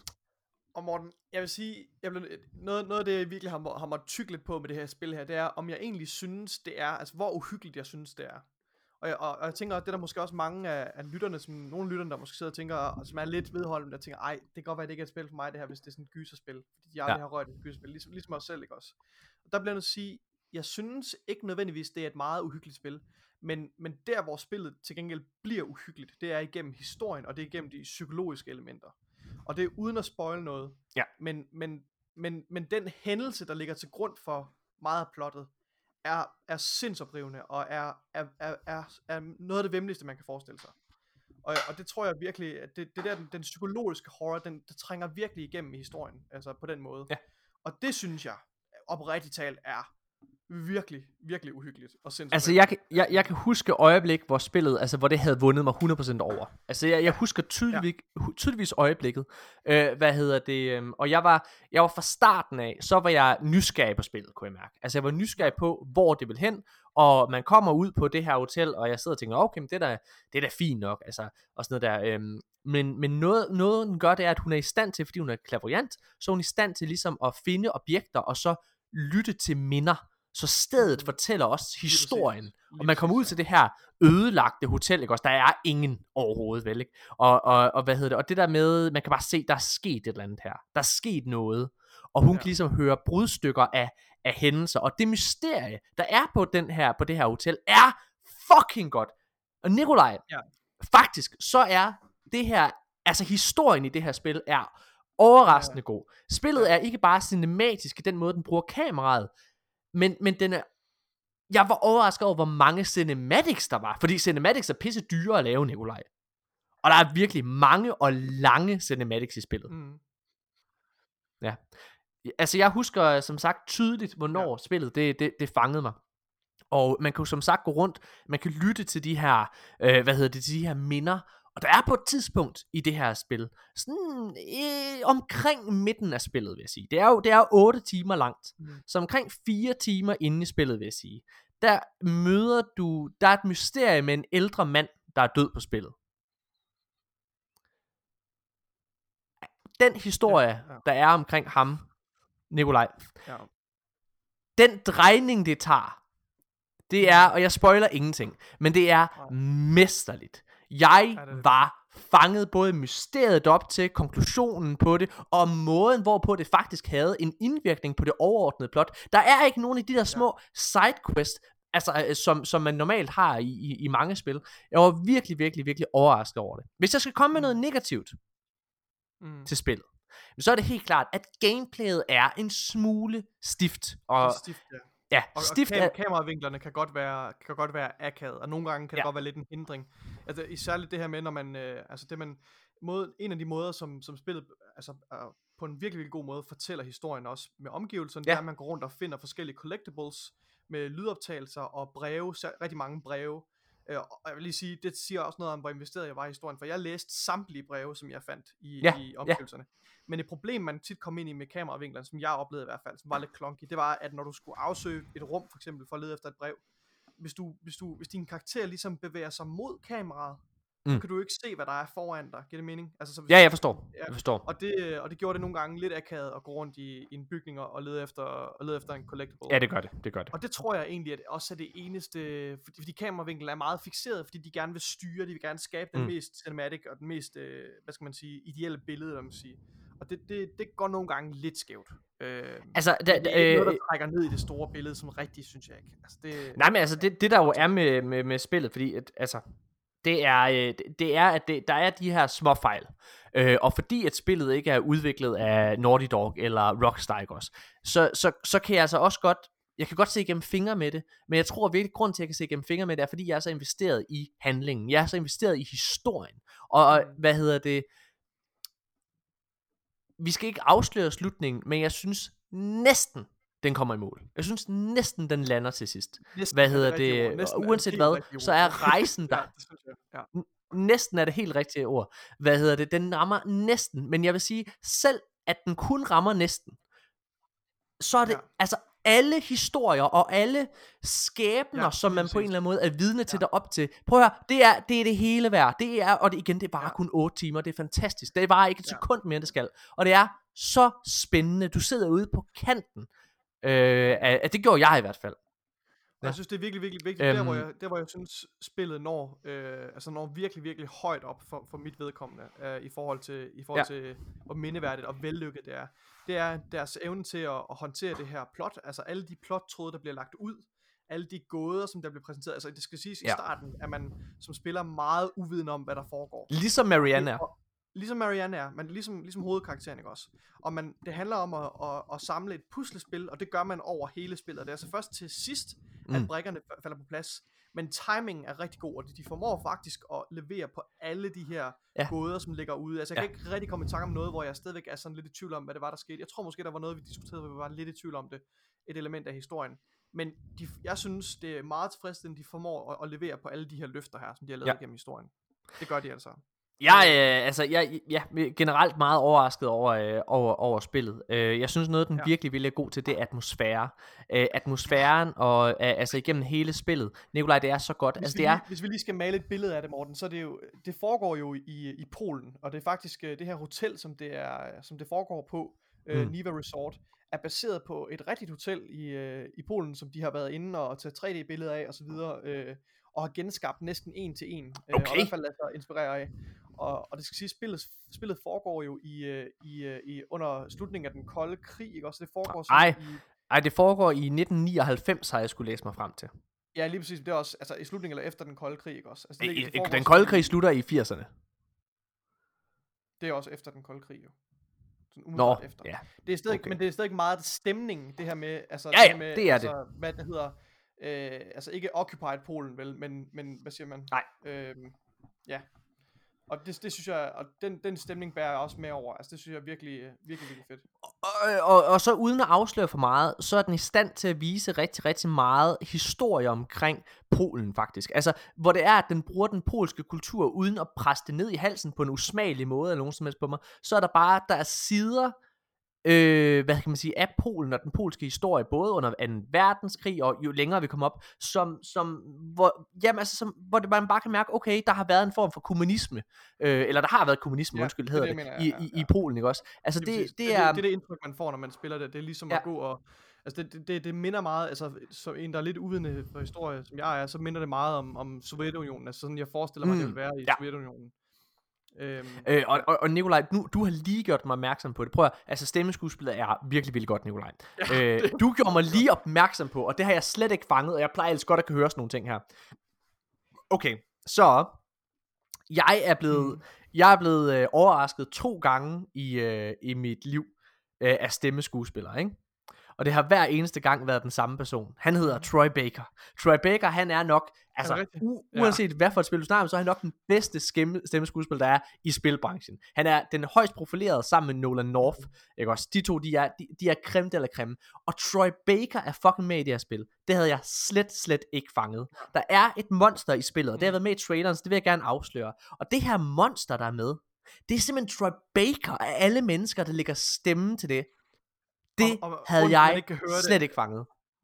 Nej, og grunden til, at man ikke kan høre det, er, fordi hans stemme er så forvrænget, så forpint, og altså Ja. sådan, han, han spiller det virkelig, virkelig godt, og det er, jeg kan huske, øh, altså meget af, eller en, en væsentlig del af spillet går, foregår med, at man, at man befinder sig inde på det her resort sammen med det her, den her Mm. entity, som Troy Baker spiller.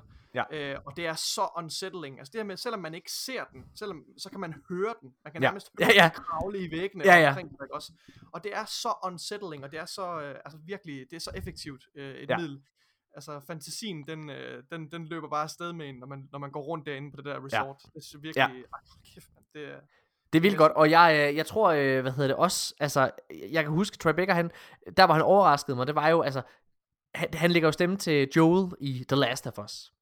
ja. Og jeg kan huske, da, altså, den, da jeg spillede The Last of Us, og jeg så, hvordan Troy Baker så ud, jeg kunne slet ikke forstå det, fordi Troy Baker, han var i stand til at gøre hans stemme så muskuløs og Ja, mandig, ikke også? Og så spillede jeg, det kom jo samme år, så spillede jeg Bioshock Infinite, som er et mesterværk. Hvad hedder det, det tredje Bioshock-spil. Der, der Mhm. spillede jeg det, der lægger han også stemme til hovedkarakteren. Og det var, altså den nuance, der var mellem de her to hovedroller, ikke også? Altså Ja. det var, det var, altså han tog så meget røven på mig, og så har han jo Ja. lavet den bedste, øh, hvad hedder det, version af, af Jokeren i Batman-universet, som ikke er Mark Hamill. Øh, hvad hedder det, øh, han, altså han nailer Mark Hamill. Han lavede, han lavede lagt stemme til, til ham i to gange. Okay. Han har lagt stemme til ham i, øh, hvad hedder det, så, til Jokeren i øh, Batman Arkham Origins, som er et meget undervurderet spil. Og så har han lagt stemme til, øh, hvad hedder det, øh, øh, hvad hedder det, til, øh, til Jokeren også i den her tegnefilm, som er ret god, der hedder Suicide Squad at, øh, Attack on Arkham eller sådan noget der. Sådan en, den er virk, den er ret fed. Der lægger han også stemme til Jokeren. Nå, han er virkelig god. Men ja, han lægger altså stemme til, til, til The More, som monsteret hedder her i det her spil. Øhm, ja, Ja. ja. Ja, det er, og Nikolaj, altså jeg tror faktisk, at det er sådan, det, jeg har virkelig tykket på det her, men jeg havde så god en oplevelse med det her spil. Det er en af de bedste spilhistorier og spiloplevelser, jeg har fået i lang tid. Det vil jeg gerne sige. Ja. Det, det, det, er virkelig, det var virkelig overraskende. Jeg tror i hvert fald godt at sige, at jeg er aldrig nogensinde blevet så positivt overrasket øh, af et spil. Altså fordi jeg gik ind med, med, med de forventninger, som jeg gjorde. Øh, Nikolaj, øhm, jeg har ikke så meget mere at sige til spillet. Har du det? Nej, Har du noget, du gerne vil komme af, inden vi kommer til vores konklusion? ikke. Andet end, øh, nej, det tror jeg, jeg fanger i konklusionen. Okay. Ja. Nikolaj, vil du så ikke komme med din konklusion? Vi, og, og det, inden vi lige, vi kommer med stjerner her til, og vi, øh, vi giver fra 1 til 6. Ja, og hvorfor gør vi det, Morten? Jamen det gør vi, fordi at ved 1-6 skalaen, så er man tvunget til at træffe nogle hårde beslutninger. I 1-10, så bliver det ret hurtigt sådan, ja, hmm, ja, men det er okay. Altså man, man, er, ikke helt så fanget på, om man synes noget er virkelig godt eller virkelig dårligt. Øhm, her, her synes jeg, at på 1-6, der er man mere, det er mere rent. Altså hvis noget for 1, så er det noget fucking pis. Og Jeg tror faktisk, vi har sagt, altså hvad, hvad det er, Nikolaj, der sagde aftale til hinanden, hvad, hvad det her betyder. 6, det betyder, at det er et mesterværk. Det er et mesterværk, ja. Det 5, er det betyder, at det er fantastisk. fantastisk. Og 4, det betyder, at det er godt. Mm. Og 3, det betyder, at det er middelmådigt. Og 2, det betyder, at det er Dårligt. dårligt. Og 1, Ja. det betyder, at Horribelt. horribelt, katastrofalt. Hvad hedder det? Ja. elendigt. Ja. Nikolaj, jeg tror, vi, øh, jeg, jeg, jeg har på fornemmelsen, at vi, at vi kommer til at være, at vi kommer ikke til at være langt fra hinanden i den her anmeldelse. Det tror jeg ikke. Men det Nikolaj, der, bare lige for at tease lytterne, der har vi spillet øh, en del andre spil, hvor vi har øh, noget andre holdninger. Ja. Ja, hvor vi har meget forskellige opfattelser omkring spillet, og jeg glæder mig Ja. ja. meget til at snakke om nogle af dem. Men Nikolaj, vil du prøve at opsummere og komme med din konklusion på spillet Ja. The Medium? Ja. Jamen, jeg synes... Øh, skal jeg starte med at give, give score, eller gør det til sidst? Ej, det gør Okay, det til sidst. Ja. Gør det sidst. Jeg synes, uh, The Medium er, er et fantastisk spil, og jeg synes, at det her centrale gameplay-element kunne nemt have været gået hen og blevet en gimmick, men de formår at bruge det øh, og udnytte det til sit fulde potentiale i både øh, gameplay og med puzzles og, øh, og, og cinematics. Jeg var investeret hele vejen igennem historien, øh, og mens jeg lagde, lagde de sidste brikker på, på, øh, på puslespillet. Øh, og jeg synes, historien i det, i det store billede formår at levere på alle de løfter, som den lægger ud. Øh, og, men selvom historien formår at samle alle de her tråde her, så efterlod slutningen mig dog med, altså den efterlod mig en smule skuffet Mm. øh, til allersidst. Øh, og det er, men ikke desto mindre, så er det et spil, jeg vil, altså, holder øh, meget kært, og jeg vil sige, jeg vil anbefale øh, alle, at man spiller det. Og jeg har givet, valgt at give det 5 ud af 6 stjerner. Fem jeg ud af synes- seks stjerner? Og jeg var endda ved at sige, at det skulle være et stort femtal. øh, fordi der er så få ting, jeg kan sætte, øh, sætte fingeren på, som jeg synes øh, kunne være bedre. Øh, Mm. Ja, og det har vi jo allerede været lidt inde på. Men ja. Ja. Så er der mig øh, komme med min konklusion til The Medium. Mhm. The Medium er en intens, men frem for alt spændende fortælling.